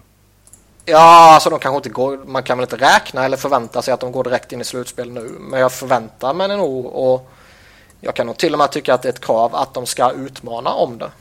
Mm. Att de ska Ja, vara det- och kriga om de här wildcard-platserna liksom. Alltså bara att Jack Eichel gör sitt andra år, inte sitt första, är ju en jätte... Det kommer göra en jättegrej. Mm, Eichel hade 24 mål och 32 assist den gångna säsongen. Vad, vad tror ni att man kan få ut av honom i år? Mer. Och hur mycket mer om du ska sätta det i en, alltså 56 poäng då för säsongen? Vad, Alltså grej, grejen är att gör, gör du ungefär 60 poäng i dagens liga så är det en bra siffra mm, eh, så, så man kan väl inte kräva eller förvänta sig att han ska gå in och göra point per game bara sådär. Om man nu har de förväntningarna bara för att det är en supertalang. Utan även om han ligger kvar på den poängskörden så tycker jag han gör en bra säsong. För som sagt 60 poäng, det är en bra nivå. Uh, det man vill se om jag vore Sabres-supporter det är att han fortsätter utvecklas helheten och, och bli en bättre spelare generellt. Mm. Sen behöver, de är väl inte i en fas där nu där de är direkt beroende av att han går in och gör 100 poäng på en säsong. För de kommer inte utmana ändå. Eh, I ett lite, lite längre perspektiv så är det klart att han måste leda laget på ett tydligare sätt. Men eh, där gör, är de inte nu. göra, skulle han göra 100 poäng nästa säsong så tror jag de går till slutspel. Det är en konstig Sticker, grej att sticker ut hakan där. Bara han gör hundra, då, då Ja, är det... exakt. Ja. Ja. ja. Men som sagt, att de ska vara med och fighta som en wildcard-plats i alla fall. Det, det skulle vara ett naturligt steg i evolutionen där i alla fall. Detroit. Där har jag hittat vi ett gäng gubbar. Kan veteranerna fortfarande bära laget eller blir detta året som Detroit missar slutspel? Och, Mm. Ställer vi oss den frågan för fjärde eller femte året i rad. exakt. Och Fast nu är den ju väldigt relevant med tanke på Ja, de har tappat Padajuk. Ja. Ja. Visst, man kan ju säga att de Eller är relevant, den har ju varit relevant tidigare också men jag tror alla fattar vad jag menar. Eh, men vi säger så här, målvaktssituationen ser ju bättre ut än på länge för Mrazek har ju verkligen tagit ett steg liksom. Men sen samtidigt förra säsongen när det mm, liksom gällde så var det ju så var det ju eh, Howard de gick till slutet på grundserien och första matcherna i slutspelet. Ja, men nu känns... Alltså, Mrazek känns ju bättre nu än för ett år sedan. Ja, ja, ja gi- givetvis. Det är inte så jag menar att jag tycker Howard är bättre utan jag bara menar liksom att det var så de gjorde. Ja, det var ju befogat då för då var inte Mrazek bra. Men... Eh, Nej, men de kanske känner likadant fortfarande. Men alltså behöver han fortfarande inte en... Han måste ju hitta en jämnhet i sitt spel. Det är väl lite det. Det är väl fortfarande lite väl djupa dalar när det går dåligt liksom. så bra kan jag inte honom. Men... Eh, eh, Han är fortfarande- målvaktssituationen ser i alla fall inte dålig ut. Det gör Nej. inte. Han är ju fortfarande alltså, re relativt färsk i rollen som NHL-målvakt också. Så det är inte konstigt att det går i lite vågor. Det gör det för alla unga målvakter i princip ju. Mm. Men jag skulle starta honom. Jag tycker han är så solklar första målvakt så det bara sjunger om det. Och sen måste ju Ja. Detroit hoppas att eh, Las Vegas plockar upp eh, Jimmy Howard typ. Ja. Men backsidan ser ju sämre ut än på länge. Uh, Kronwall är äldre, Jonte Eriksson är, äl- är äldre. Uh, Brenda Smith är inte direkt ung längre utan det här är ju what you see is what you get. Ehm, Mike Green gav väl inte riktigt den effekten som de hade hoppats på. Eh, Men jag tycker ändå han var bra för dem. Ja, men eh, det, eh, det kändes ju bättre inför förra säsongen än vad det gjorde nu. Liksom. Ja, givetvis. Men jag, jag tycker fortfarande att Mike Green tycker jag fortfarande... Det finns många saker man kan peka på med Detroit som är tvivelsaktigt så att säga. Men jag tycker inte Mike Green är det. Nej, men det känns, det känns sämre än i fjol, backsidan. Just Ja, på grund jo, jo. av det bland annat. ja Mm. det håller jag med. Och forwardsidan är det har hänt saker. Det är att... Uh, Datsuk var fortfarande uh, toppklass i fjol tycker jag. så tycker man såg tydligare ålderstecken på Zetterberg. Man såg ju ålderstecken på Datsjuk också, men jag håller ju givetvis med att han var betydligt mycket tydligare på Z. Mm. Mm. Eh, alltså hade Datsjuk haft lite mer lucky bounces och fått in lite mer mål så tror jag inte att det hade snackats lika mycket om Datsjuk. Eh, för han, hans ålderstecken märkte man inte av i, liksom, i possession-siffrorna på samma sätt som med, med Zetterberg. Mm. Eh, men eh, nu är det definitivt att Johan Franzén inte kommer liksom vara med någonting. I fjol när vi inledde säsongen då fanns det ju någon form av hopp fortfarande. Det gör det inte längre. Eh, Abdicated närmar sig 30. Alltså det enda som är... De har ju ett gäng unga namn på forwardsidan som bör vara redo att kliva fram. Liksom Dylan Larkin och så vidare. Eh, men jag, tror fort, jag tycker fortfarande man har gått minus på, på forwardsidan. För att ersätta Datsuk med Frans Nielsen kommer inte uh, vara någonting som går ge en plus. Det är klart det är ett nerköp, men om man bara snackar uh, liksom Nielsen så tycker jag ju fortfarande att med tanke på vilken situation de var i så är det väl bästa möjliga ersättare. Ja, där är ju problemet kontraktet snarare. Ja. Det var så jävla långt. Ja. Jo. jo, men det, alltså, sen gäller det nog att både... Alltså Nyqvist måste ju studsa tillbaka. Han måste väl hamna runt ja, mellan 25 och 30 baljor liksom. Samma med Tatar. Ja, men jag tycker de två tycker jag ändå är fullt kompletta topp 6-forwards. Uh, nyckeln som jag ser det... han får över Thomas Vanek också. Han kommer väl göra sina 20 mål. Han var inte dålig i Minnesota. Folk har ju fått, typ, fått för sig att han var komplett oduglig och det var därför de köpte ut honom. Han gjorde fortfarande, jag tror det var typ 18 mål eller så här. Ja, det var att han... Han var för dyr bara. Ja. Jag menar så han kommer väl kunna pizza 20 baljor, det tror jag mycket väl. Det, det, det, är en bra värvning till det priset. Ja. Eh, fast de matar i i, i PP eller någonting. Ja. Uh, just, uh, Men alltså den, den, stora nyckeln är ju Z. Om han fortfarande kan bära laget. Ja, För men det, verk, liksom... det verkar ju nu som, han har ju själv varit ute och pratat om att han eh, typ inte har åkat en 20, eller 20 matchers säsong, jag på att säga. Eh, 82 matchers säsong som center. Och att han nu ska kliva ut på vänsterkanten istället för det kräver inte lika mycket skridskoåkning och, och så. Är det inte tvärtom alltså? Inte enligt honom. Alltså att han inte kan spela vinge längre utan... Nej. Nej, tvärtom. Tvärtom? Jo. För att han måste ner och hämta så mycket puck och han måste vara mer aktiv i defensiv zon och hela det här köret snackar han. Mm. Uh, så han ska väl förmodligen, vad det verkar som, gå ut och lira vänsterforward och köra Larkin Nielsen som centrar. Och uh, Personligen så tycker jag väl att Z är bättre som center än som winger. Men eh, ja, om det är vad som krävs för att hålla Z het en hel säsong och inte liksom vad säger man, svalna av när det börjar gälla saker. Vad var det för skada som stoppade honom från World Cup? Eh, knä har jag för mig. Ja, för Detroit skulle hade man gärna sett att han liksom hade en fräsch off-season. Mm. Och kom liksom in, inte att han liksom inför camp ska komma skadad. Och, för han inledde fortfarande fjolårssäsongen otroligt bra. Han var ju typ point per game första 10-12 matcherna där. Ja. Eh, men ja, det är sen han började tackla av. Eh, ja, det är mycket, mycket hänger på sätt om han kan... Eh, för det känns faktiskt som att det är liksom en säsong eller ingen säsong till som är liksom riktigt, riktigt bra. Ja. Det är inte så här om huruvida han har två eller tre år kvar, utan det är om det är noll eller ett nästan. Det kommer ju liksom inte vara ett problem för honom på isen, men, men med det där kontraktet och den där längden på det så är det nog svårt att... Eh, ja, han måste ju liksom vara bi, riktigt, riktigt stor bidragande spelare. Absolut. Ja, vidare går vi till Florida. Och eh, man vann ju Atlantic Division förra säsongen på 103 inspelade poäng. Och eh, frågeställning här är, var förra säsongen på riktigt? Kommer man klara ja, sig kvar i toppen? Riktigt. Ja, det var inte en dröm alltså.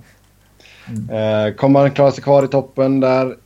Och sen vad händer om Aaron Ekblads hjärnskakning är problematisk och han blir borta länge? Jag skulle nog hävda att den gångna säsongen var på riktigt. För jag, jag, det, jag tror inte det är någon sån där... eh, Alltså de, hade både, de var både bra och hade flyt. Ja. Alltså- Och, och liksom... De, Det är ingen Colorado-säsong alltså. nej, men liksom de hade en naturlig utveckling av sina unga spelare också. Och... Ja, det var inte bara en massa flyt kändes det som. Mm. Utan jag tror mycket väl att de är eh, ett lag som fortfarande kommer utmana i... De kanske inte går och vinner Atlantic, men som fortfarande kommer utmana topp tre i Atlantic så att säga.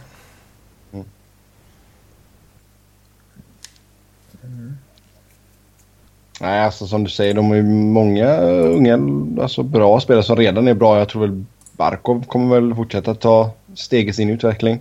Men äh, Det är rim, rimligtvis, ja, och rimligtvis kommer väl alla de här unga fortsätta utvecklas. Alltifrån Barkov och Ekblad som fortfarande, eller som redan nu är jävligt bra, kommer förmodligen bli snäppet bättre också. Men även de här som eh, Trocek och Bjurstad och eh, Hubbard och, och det gänget. Jagger. Ja, Jäger också. Han har ju kommit tillbaka ännu mer eh, slimmad nu. Vad det sägs och vad det ser ut som. Det här gubbfettet har han jobbat bort. Ja, det är snyggt. Ja, Det finns nog ingen som tränar mer än vad han gör just nu i alla fall. Som Nej. spelar i NHL. Ehm, Nej, men Florida kommer ha en bra säsong. Eh, nästan favorit ska jag säga till att vinna Atlantic igen. Alltså, nej, inte favorit kanske, men eh, eh, det är väl de eller Tampa.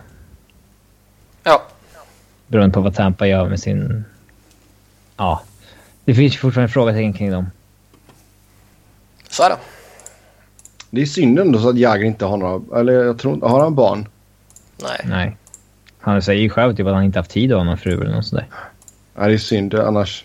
Om man hade haft någon kid som var riktigt bra så de fick spela tillsammans i en NHL. Det hade varit Alltså, coolt. då, då, grejen är att han skulle ju rent teoretiskt kunna ha en son som är liksom 25. Ja, ja. Så de skulle kunna spela ihop så här sju år. Nej, det är synd. Då hade han förmodligen inte spelat i NHL. Då hade han spelat med sonen i hos Gladno eller någonting. Ja, med de generna så hade det ju varit NHL på ungen. Det är ju givet. Ja, eh, om vi säger att eh, Ekblad blir borta ett tag här då. Har man tillräckligt med uppbackning för att klara av hans bortfall? Han missade ju några matcher förra säsongen med hjärnskakning. Och eh, då var ju Florida under de fyra matcherna visserligen bara, så det kan ju ha varit en slump. Mm. Men eh, då var de ju illa ute och de torskade tre, alltså gick eh, 0-3-1 tror jag det var. Ehm, och väldigt många av deras spelare beklagade sig extremt mycket över att han var borta och hur hårt det hade påverkat dem och så vidare. Ehm, så det är klart det är förlust. Han är ju en jätteduktig back. Det är precis som det hade varit för Kings att tappat out eller liksom dylikt. Ja, Montreal då. Vilka förväntningar kan vi ha på Montreal och vad skulle vi, eller vilka skulle vi spela Alexander Radulov med? Åh, det är så, jag är så kluven till Radulov och... I och med att det verkar nu som att det var Ra som ville ha in Radulov i här så... Eh, liksom övriga ledning som valde att inte göra det. Så vi, vi, på då så sätt vill jag ju se Radulov floppa. Samtidigt vill jag ju se Radulov ge dubbelfacken till alla liksom, eh, alltså experter som liksom hade typ hånat Montreal för att de har signat honom eh, på ett år. Eh, samtidigt så vill man ju se Montreal brinna i helvetet efter deras... Eh, ja... Med tanke på deras idiotiska ledning liksom. Man vill ju inte att de ska ha någon, någon framgång så. Eh, så ultimata vore väl om Radulov vinner poängligan i deras lag på kanske 60 poäng eller någonting. Eh, Men vad kan man ha för förväntningar? Alltså vi, Carey Price tillbaka. Så grejen är att de kommer ju vara ett slutspelslag. De kommer ju vara där uppe i toppen. Och det kommer ju inte vara för att de bytte ut eh, Subban mot Webber. Utan det kommer Nej. vara för att Carey Price är tillbaka. Ehm, och han har ju sett fantastisk ut i, i World Cup. Så där ska de inte behöva oroa sig heller. Nej. Eh, för det fanns ju faktiskt lite frågetecken. Det är alltid frågetecken att ha varit borta så länge. I, syn- I synnerhet som målvakt. Om det är något som har hänt och du måste eh, arbeta med kroppen på ett nytt sätt och så vidare så, så kan du givetvis försämras jättehårt. Men eh, han har sett bra ut. Och bara att han är tillbaka kommer göra dem till ett slutspelslag. Mm. Och då spetsa Ja. till det med Radulov också. Mm. är ju givetvis eh, ett uppköp också. Även om han är galen så är det fortfarande en bra spelare. Och det som Robin säger, han kan ju... Ja, gör han 60 poäng liksom så är väl det... Eh, det är inte alls omöjligt på något sätt. Nej. Vem skulle du sätta honom med om du skulle göra en kedja? Alltså det är ju rätt givet med Pacioretty. Ja, det blir nog det ändå. Som är liksom skytten liksom. Eh, Annars tycker jag väl Patrick Gallagher har väl funkat hyggligt. mm, Black man verkligen Adams. spetsar till det så är det ju... Så. Kanske Gal- räcker med Radlom och Galchenyak då, då i andra liksom. Ja. Kom för fan inte att säga att du är Lek- att du är Lektonen nu, Sebbe. Han kan vara tredje länken. Ja, det är så jävligt sant. Ja, han har gjort bra ifrån sig på ca- rookie-campen här. Ehm. mm. Över till Ottawa. Kommer man att uh, kriga om en slutspelsplats? Nej, Nej, svårt att se. Dåliga målvakter. i- Dåligt backdjup. Eh, det ska bli intressant att se Guy Boucher i ligan igen. Faktiskt. Eh, eh, men eh, för få, för få bra spelare helt enkelt. framförallt tror jag att det finns för många lag som är bättre. Ja. Jo, det är sant. Jag, jag tror liksom av de lagen som gick till slutspel förra säsongen så eh, tror jag inte det är något av de lagen som kommer eh, per automatik så att säga vara sämre än Ottawa. Och jag tror Boston kommer vara bättre, Montreal kommer vara bättre, jag tror Buffalo kommer få ett lyft. Eh, Mm. eh, och sen kommer väl typ New Jersey, Carolina och Ottawa i nästa klump. Ja, sen så har vi Tampa Bay. Och, eh, mm, man slutade tvåa förra säsongen i Atlantic. Starkt lag på pappret, starkt lag på isen. Men behöver man vara orolig över Nikita Kucherov. Fortfarande inte kontrakt skrivet. Eklund säger att det börjar tugga som ett offer sheet. Mm. Mm. Men det känns väl som att det kommer bli klart när eh, World Cup är slut och han är tillbaka. Sen är det klart att det är, alltså, säsongen är inte jättelångt borta och det är klart att det, man oroar sig. Inte för att det ska bli en offer sheet eller så, men att det inte har blivit något helt enkelt. Nej. Så vet man aldrig, han kanske har sagt till dem att eh, nej men nu laddar jag upp för World Cup, jag vill inte bry mig om det här nu utan det tar vi efteråt eh, eftersom vi inte kunde lösa det innan. Eller så kanske det blir klart imorgon liksom. Hur, eh, hur länge ser du Tampas fönster vara öppet som en cup contender? Det går ju inte att sätta något, se något slut på idag.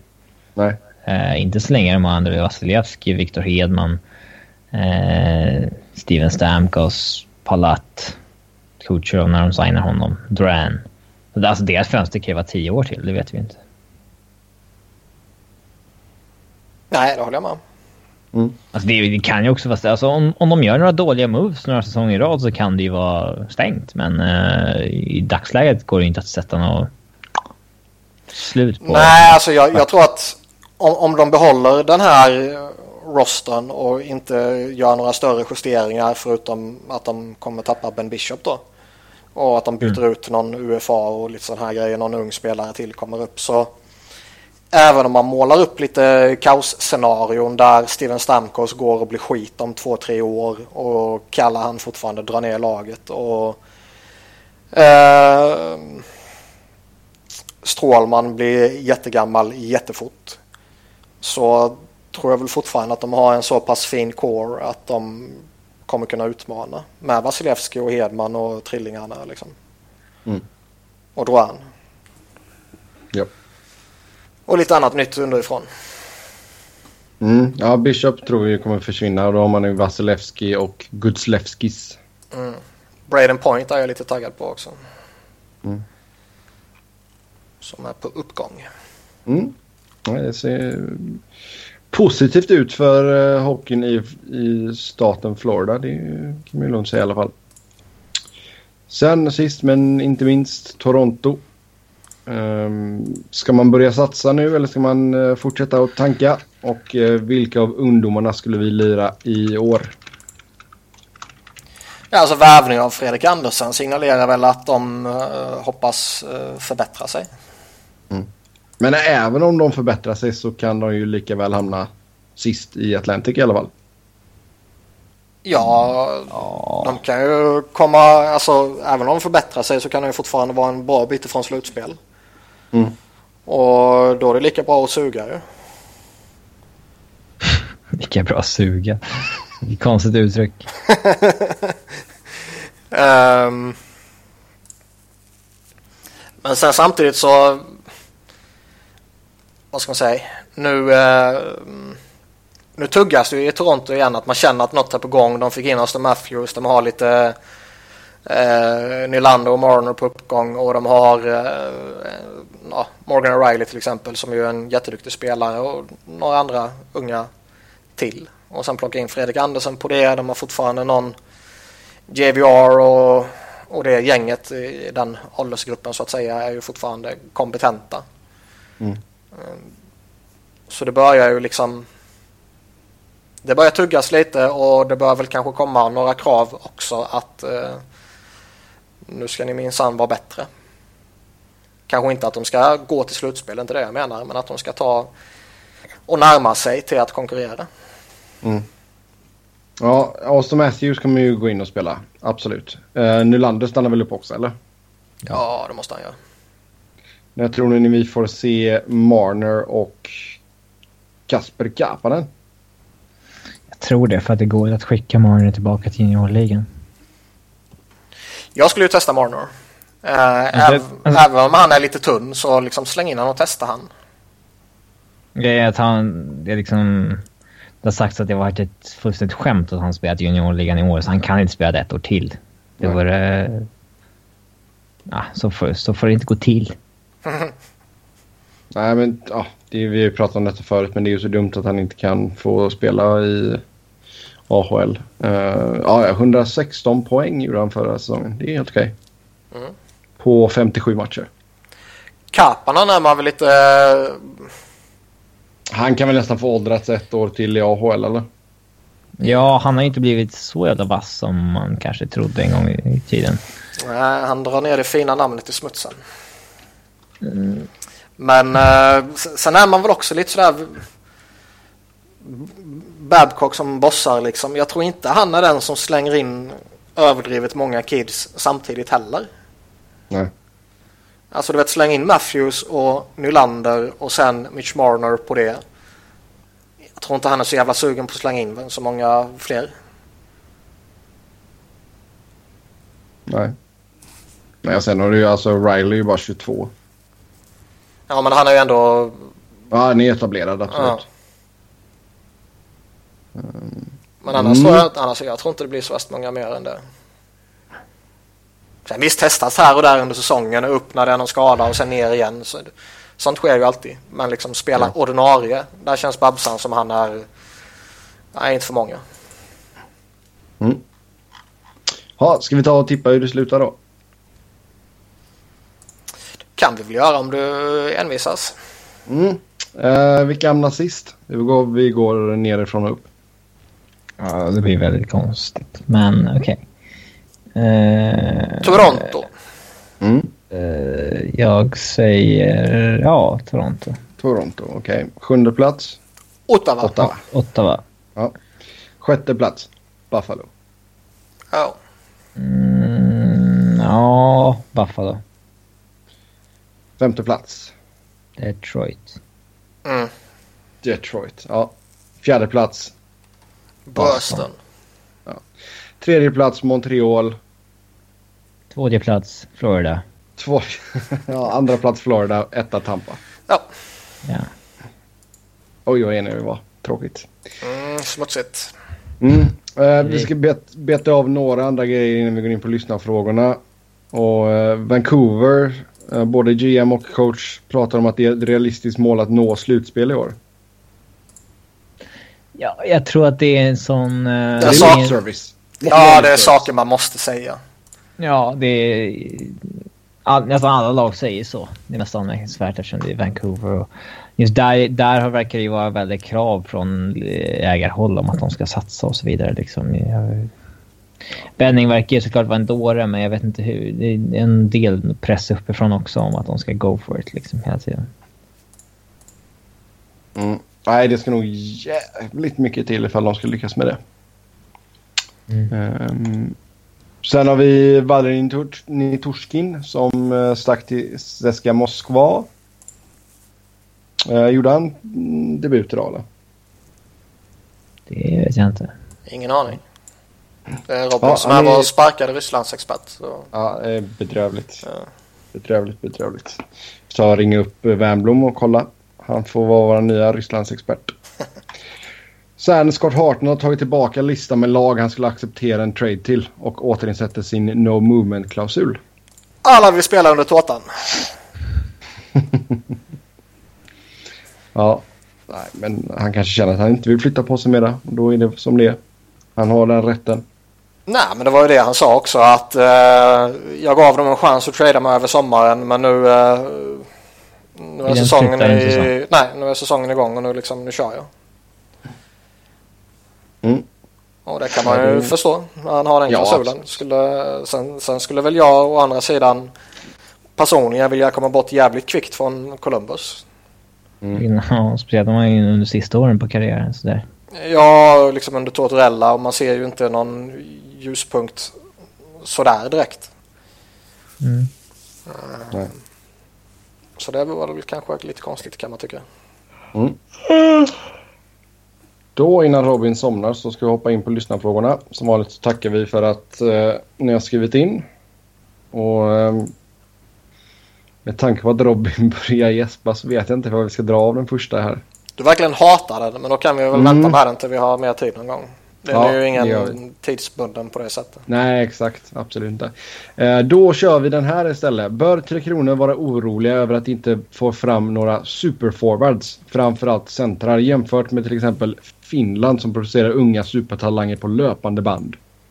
Ja, vi har väl Så- producerat lika mycket talanger som Finland, eller? Sånt där går ju i vågor liksom. Mm. Det var är ju- Patrik Laine? Ja, men det är typ Filip Forsberg. Men ja, men all, grejen är att all, allt sånt där går alltid i vågor. Under en period så producerade Finland målvakter utav helvete. Mm. Nu har de fått fram några forwards liksom. Under, under De en... le lever de inte fortfarande på den myten? Jo, lite så är det. Ja. Men liksom under en period så fick ju Sverige fram hur många duktiga forwards som helst. Alltså Foppa Sundin-generationen där hade vi ju jättemånga duktiga forwards. Mm. Med Näslund, Alfredsson och... Ja, tittar man bara på våra alltså OS-lag 06 och sånt där, det var ju oh, helvetes mycket starkare forwardsida än backsida. Ja, det var ju Alltså övervikt. O- OS-laget Rejält. 2006 som vann, det hade ju Daniel Tjärnqvist och Christian Bäckman i sig. Var inte Ronny Sundin... Uh, Jo då, det var han. Ja. Ronny. Han ska få sin tröja upphissad i Skandinavien också. ja. Ronja. Grattis till Ronny Sundin säger vi. Men liksom tit- titta på Sverige nu. Nu har någon backbesättning vi har nu liksom. Helt plötsligt bara kommer det fram massa backar. Så sånt går i vågor hela tiden. Det är ju typ bara Kanada som får fram allting hela tiden. Ja, men det är ju för att varenda jävla unge spelar hockey där. Ja. Så där tycker jag inte man ska vara orolig på det sättet. Vi har ju fortfarande kompetenta forwards som kommit in och börjat etablera sig i ligan och vi har forwards som är på uppgång. Men Nylander i spetsen då till exempel. Eller två Nylanders i spetsen till och med. Sen borde man förbjuda värdelösa tränare slash GMs nästa World Cup. Eh, Nej, det är jättekul. Åldersgräns på ledare? Frågetecken. Eh, liksom ska typ Gary Bettman sitta och bestämma att nej, nej, du får inte vara GM. Du är Nej. Nej, det går ju inte. Jag tror att den här frågan är ställd med lite uh, skojfriskt sådär liksom. Men eh, det är som vi sa tidigare, man vill ju se idioter styra hockeylag så länge det inte är ditt eget hockeylag. Ja, det är som vi sa, sagt om Tortorella, man vill ju inte ha sitt eget lag. Man ska ju fan ha ett lag. Ja, han ska vara i ligan och Brian Burke ska sitta och bossa någonstans för man vill ha honom. Men man Med vill inte ha hår. dem. Ja. Håret och slipsen runt. Ja, Ja, det är fint. ja. Ehm, nej men alltså jag, en grej är väl just det där att alltså jag ser ju gärna att man inte har något Dåligt. Europalag nästa gång. Alltså visst U23-laget var sjukt kul att titta på men samtidigt så hade man inte haft konstiga människor då som i USAs fall så hade man ju haft många av de spelarna med i laget. Så jag ser ju hellre som du sa Niklas att kör sex nationer och så får de spela mot varandra och sen kör man semifinal efter det liksom och så final. Ja, alltså USA leder ju extremt hårt av det här U23-laget.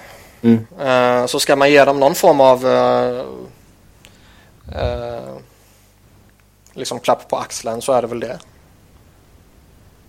Ja men det var ju som vi sa också, de har ju inte tagit ut många av de här spelarna. Nej, men om det skulle Eh. varit eh, kompetent folk som styrde. Jo. Då skulle, Nej, de, då skulle de ha ett riktigt bra lag på plats ju. I Kanada det- så skulle det varit en, någon enstaka spelare. Ja det är ju McDavid och... Ja vem mer hade gått in i Kanadas lag? Ekblad kanske. Ja istället för Boomister. Ja nej så eh, hellre att man kör eh, sex nationer bara i så fall. Om det inte kommer fram en gyllene generation av danskar. Ehm. mm. Björn Oldén fick sig precis en komplimang av Bob McKenzie på Twitter. Okej. Det var otippad. Fan Mm. vad stort. Ja, det är hans... Han skrev att det var quality announcing too på Christian Jaros tackling på Sebastian Olsson i SHL idag. Den eh, tacklingen sprider sig lite som... Ja, den, här, den här killen Hockey Webcast har lagt upp den på sitt Twitterkonto och den Mm. sprids sig rätt snabbt då. Mm. Like wildfire. Ta ut de fem sämsta respektive bästa spelarna hittills i World Cup. Vi skulle säga sämsta. Det kan ju vara Mm. random back i Europalaget liksom. Eller i Tjeckiens lag. Men... Men besvikelser kan man ju hojta några i alla fall. i USA. Men vi kan väl börja ha alla i USA. Vad fan. Nej, USA. Men den, den bästa, ja, Ghost Bear. Men sluta med det där. Han har gjort flest assist. Ja. Sluta hata på honom. Man är ju sjukt imponerad av Conor McDavid. Det kommer man inte ifrån ju. Även om man visste att han var jättebra och, och, och allt det där. Så man kommer ju inte ifrån att han var fantastisk. Mm. Och extremt underhållande. Sen har man varit bäst. Nej, det kanske inte har varit. Eh, jag tycker Nathan McKinnon var jävligt rolig att se också. Mm. Johnny Gaudreau. Ja. Mm. Ehm, McKinnon känns ju som den spelaren som kan ha sitt breakout year i år. På riktigt liksom. Mm. Där det verkligen blir så här, ja, 90 poäng eller någonting liksom. eh, ja. Cross, alltså Crosby är givetvis jätteduktig. Patrice Bergeron har varit jättebra också tycker jag. Ja, ja, hela den, den, alltså den kedjan har ju varit riktigt bra. Och som jag sa tidigare, Carey Price tycker jag har varit eh, bra också. Mm. Ehm, jag tycker nästan att Chara förtjänar att nämnas också. Vi säger Berg. Ja, bara därför jag säger det. Jag, Ja, tyck, okej. jag, ty, jag tycker det inte egentligen. Nej. Ehm, nej, Leon Draisaitl tycker jag har sett bra ut också. jo. Mm. Eh, ja, Tycker du då- alltid Sebbe? Ja, ja, det är alltid och alltid. Så länge har han inte varit med. Ehm, det är svårt att säga fem sämsta alltså. Det är, Nej, men liksom Patrick Kane var ju en jättebesvikelse ju. jo. Ja, jag skulle säga fem besvikelser istället. Ja. Han... eh, Ja, sämst i World Cup. ja. Okej. Nej, men jag menar ändå NHLs poängligavinnare. Eh, som jag tyckte var väldigt anonym under väldigt långa stunder. Och han var ju tämligen dominant förra säsongen. Mm. Så han tycker jag väl förtjänar eh, en liten eh, pungspark. Mm. Eh, I allmänhet också. Ja, i allmänhet också. Har vi någon i Kanada man kan hänga? Drew Dowd är alltid lite kass ju. Det är väl... Men där känns det som att det inte är någon som har varit dålig. Nej. Finland. Ehm, Finland, vad hade de? Ehm, äh, det är svårt, alltså nej. Granlund kanske. Men sen samtidigt så mm, när man pratar Granlund så någonstans i bakhuvudet tänker man väl kanske fortfarande på eh, talangen som han en gång var. Jo. Ja, nej, nej men det, det kan jag... Han var besvikelse. Malkin tycker jag har sett riktigt dålig ut. Mm, han har inte levt upp till förväntningarna. Nej, och han har Eh, så- sett loj och lite sådär ut också. Ja, och tar det inte på allvar. Panarin bra. har väl inte varit eh, någon hypersuccé heller direkt. Mm. Eh, och sen turneringens Arsloch, det är Leo Komarov. Vad sa du? Turneringens vadå? Asshole. Jaha, typ såhär arschloch. Ja, det sa jag. Arsloch. Varför då?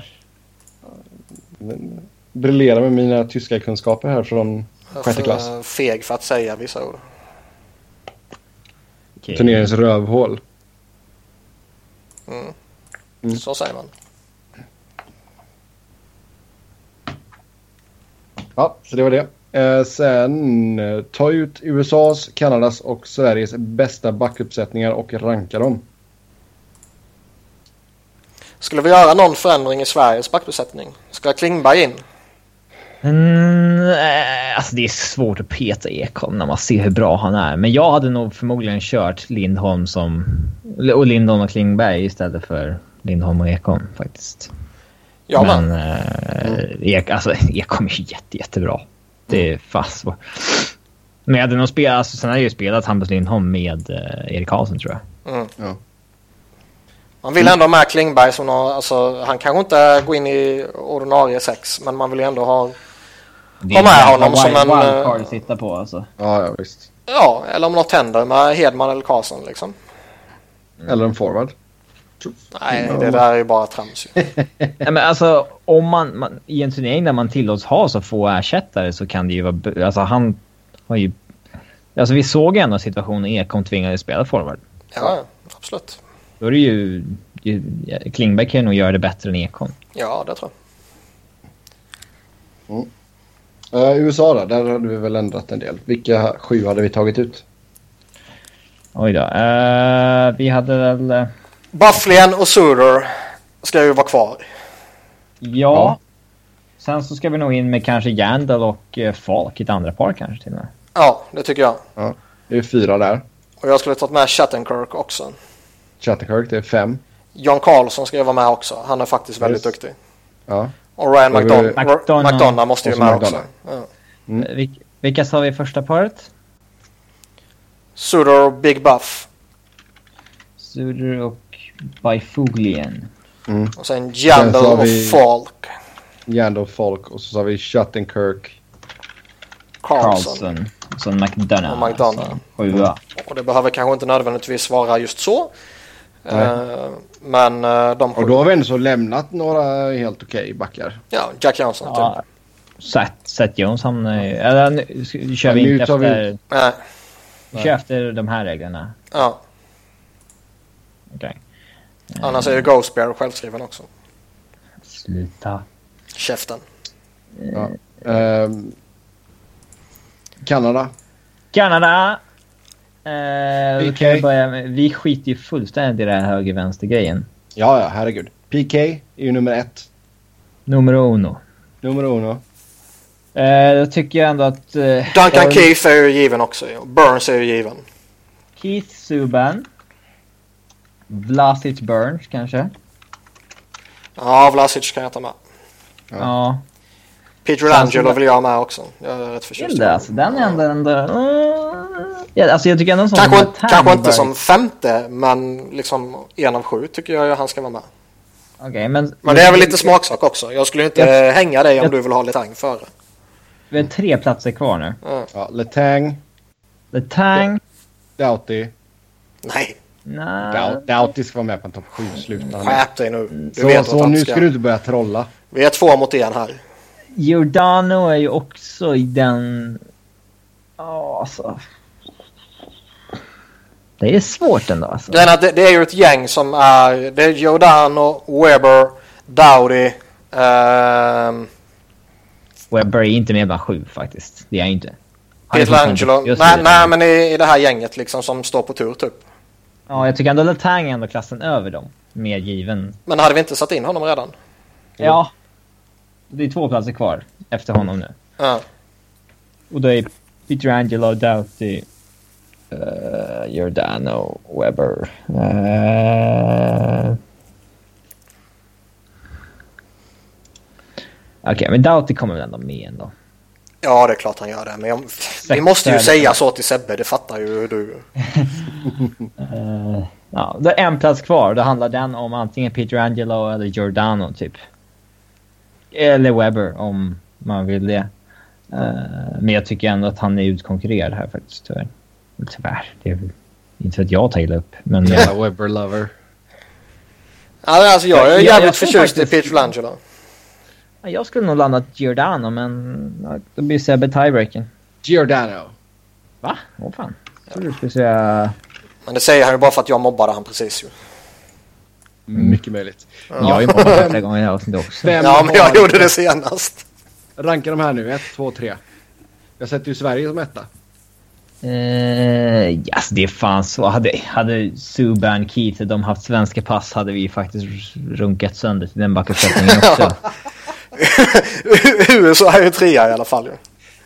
ja, USA är ju trea. Men Eh, nej, talat, jag tror... jag, jag skulle nog ta Kanada- Kanadas backbesättning Kanada- först. Tar Kanada ut rätt backar har de snäppet vassare än oss. Ja. Visst, alltså Anton Strålman är jätteunderskattad och jätte, jätteduktig och sådär men det är, det är ingen... eh, Det är ingen Subban, Burns, Letang back. Nej, det är ju ingen Vlasic känns ju. strax under kanske. Eh, Sverige har ju mer dolda hemligheter som Lindholm och så vidare. Eh, men det är verkligen uppenbar star power i alla Kanadas alternativ här. Ja. Mm. Ja, bra är de i alla fall. Det är en sak som är jävligt säkert. Med det så säger vi tack och hej för den här gången. Som vanligt så kan ni köta hockey med oss via Twitter. Mig hittar ni på @sebnoren. Niklas hittar ni på @niklasviberg, Niklas med C och enkel V. Och Robin hittar ni på R Fredriksson. Ehm, tagga Robin med hashtag Jäger, Jaggerbone. Jäger, Jägerpucko. Så, Jägerpuck. eh, Jägerpucko. Så ehm, mm, hörs vi snart igen. Tills dess, ha det gött. Hej.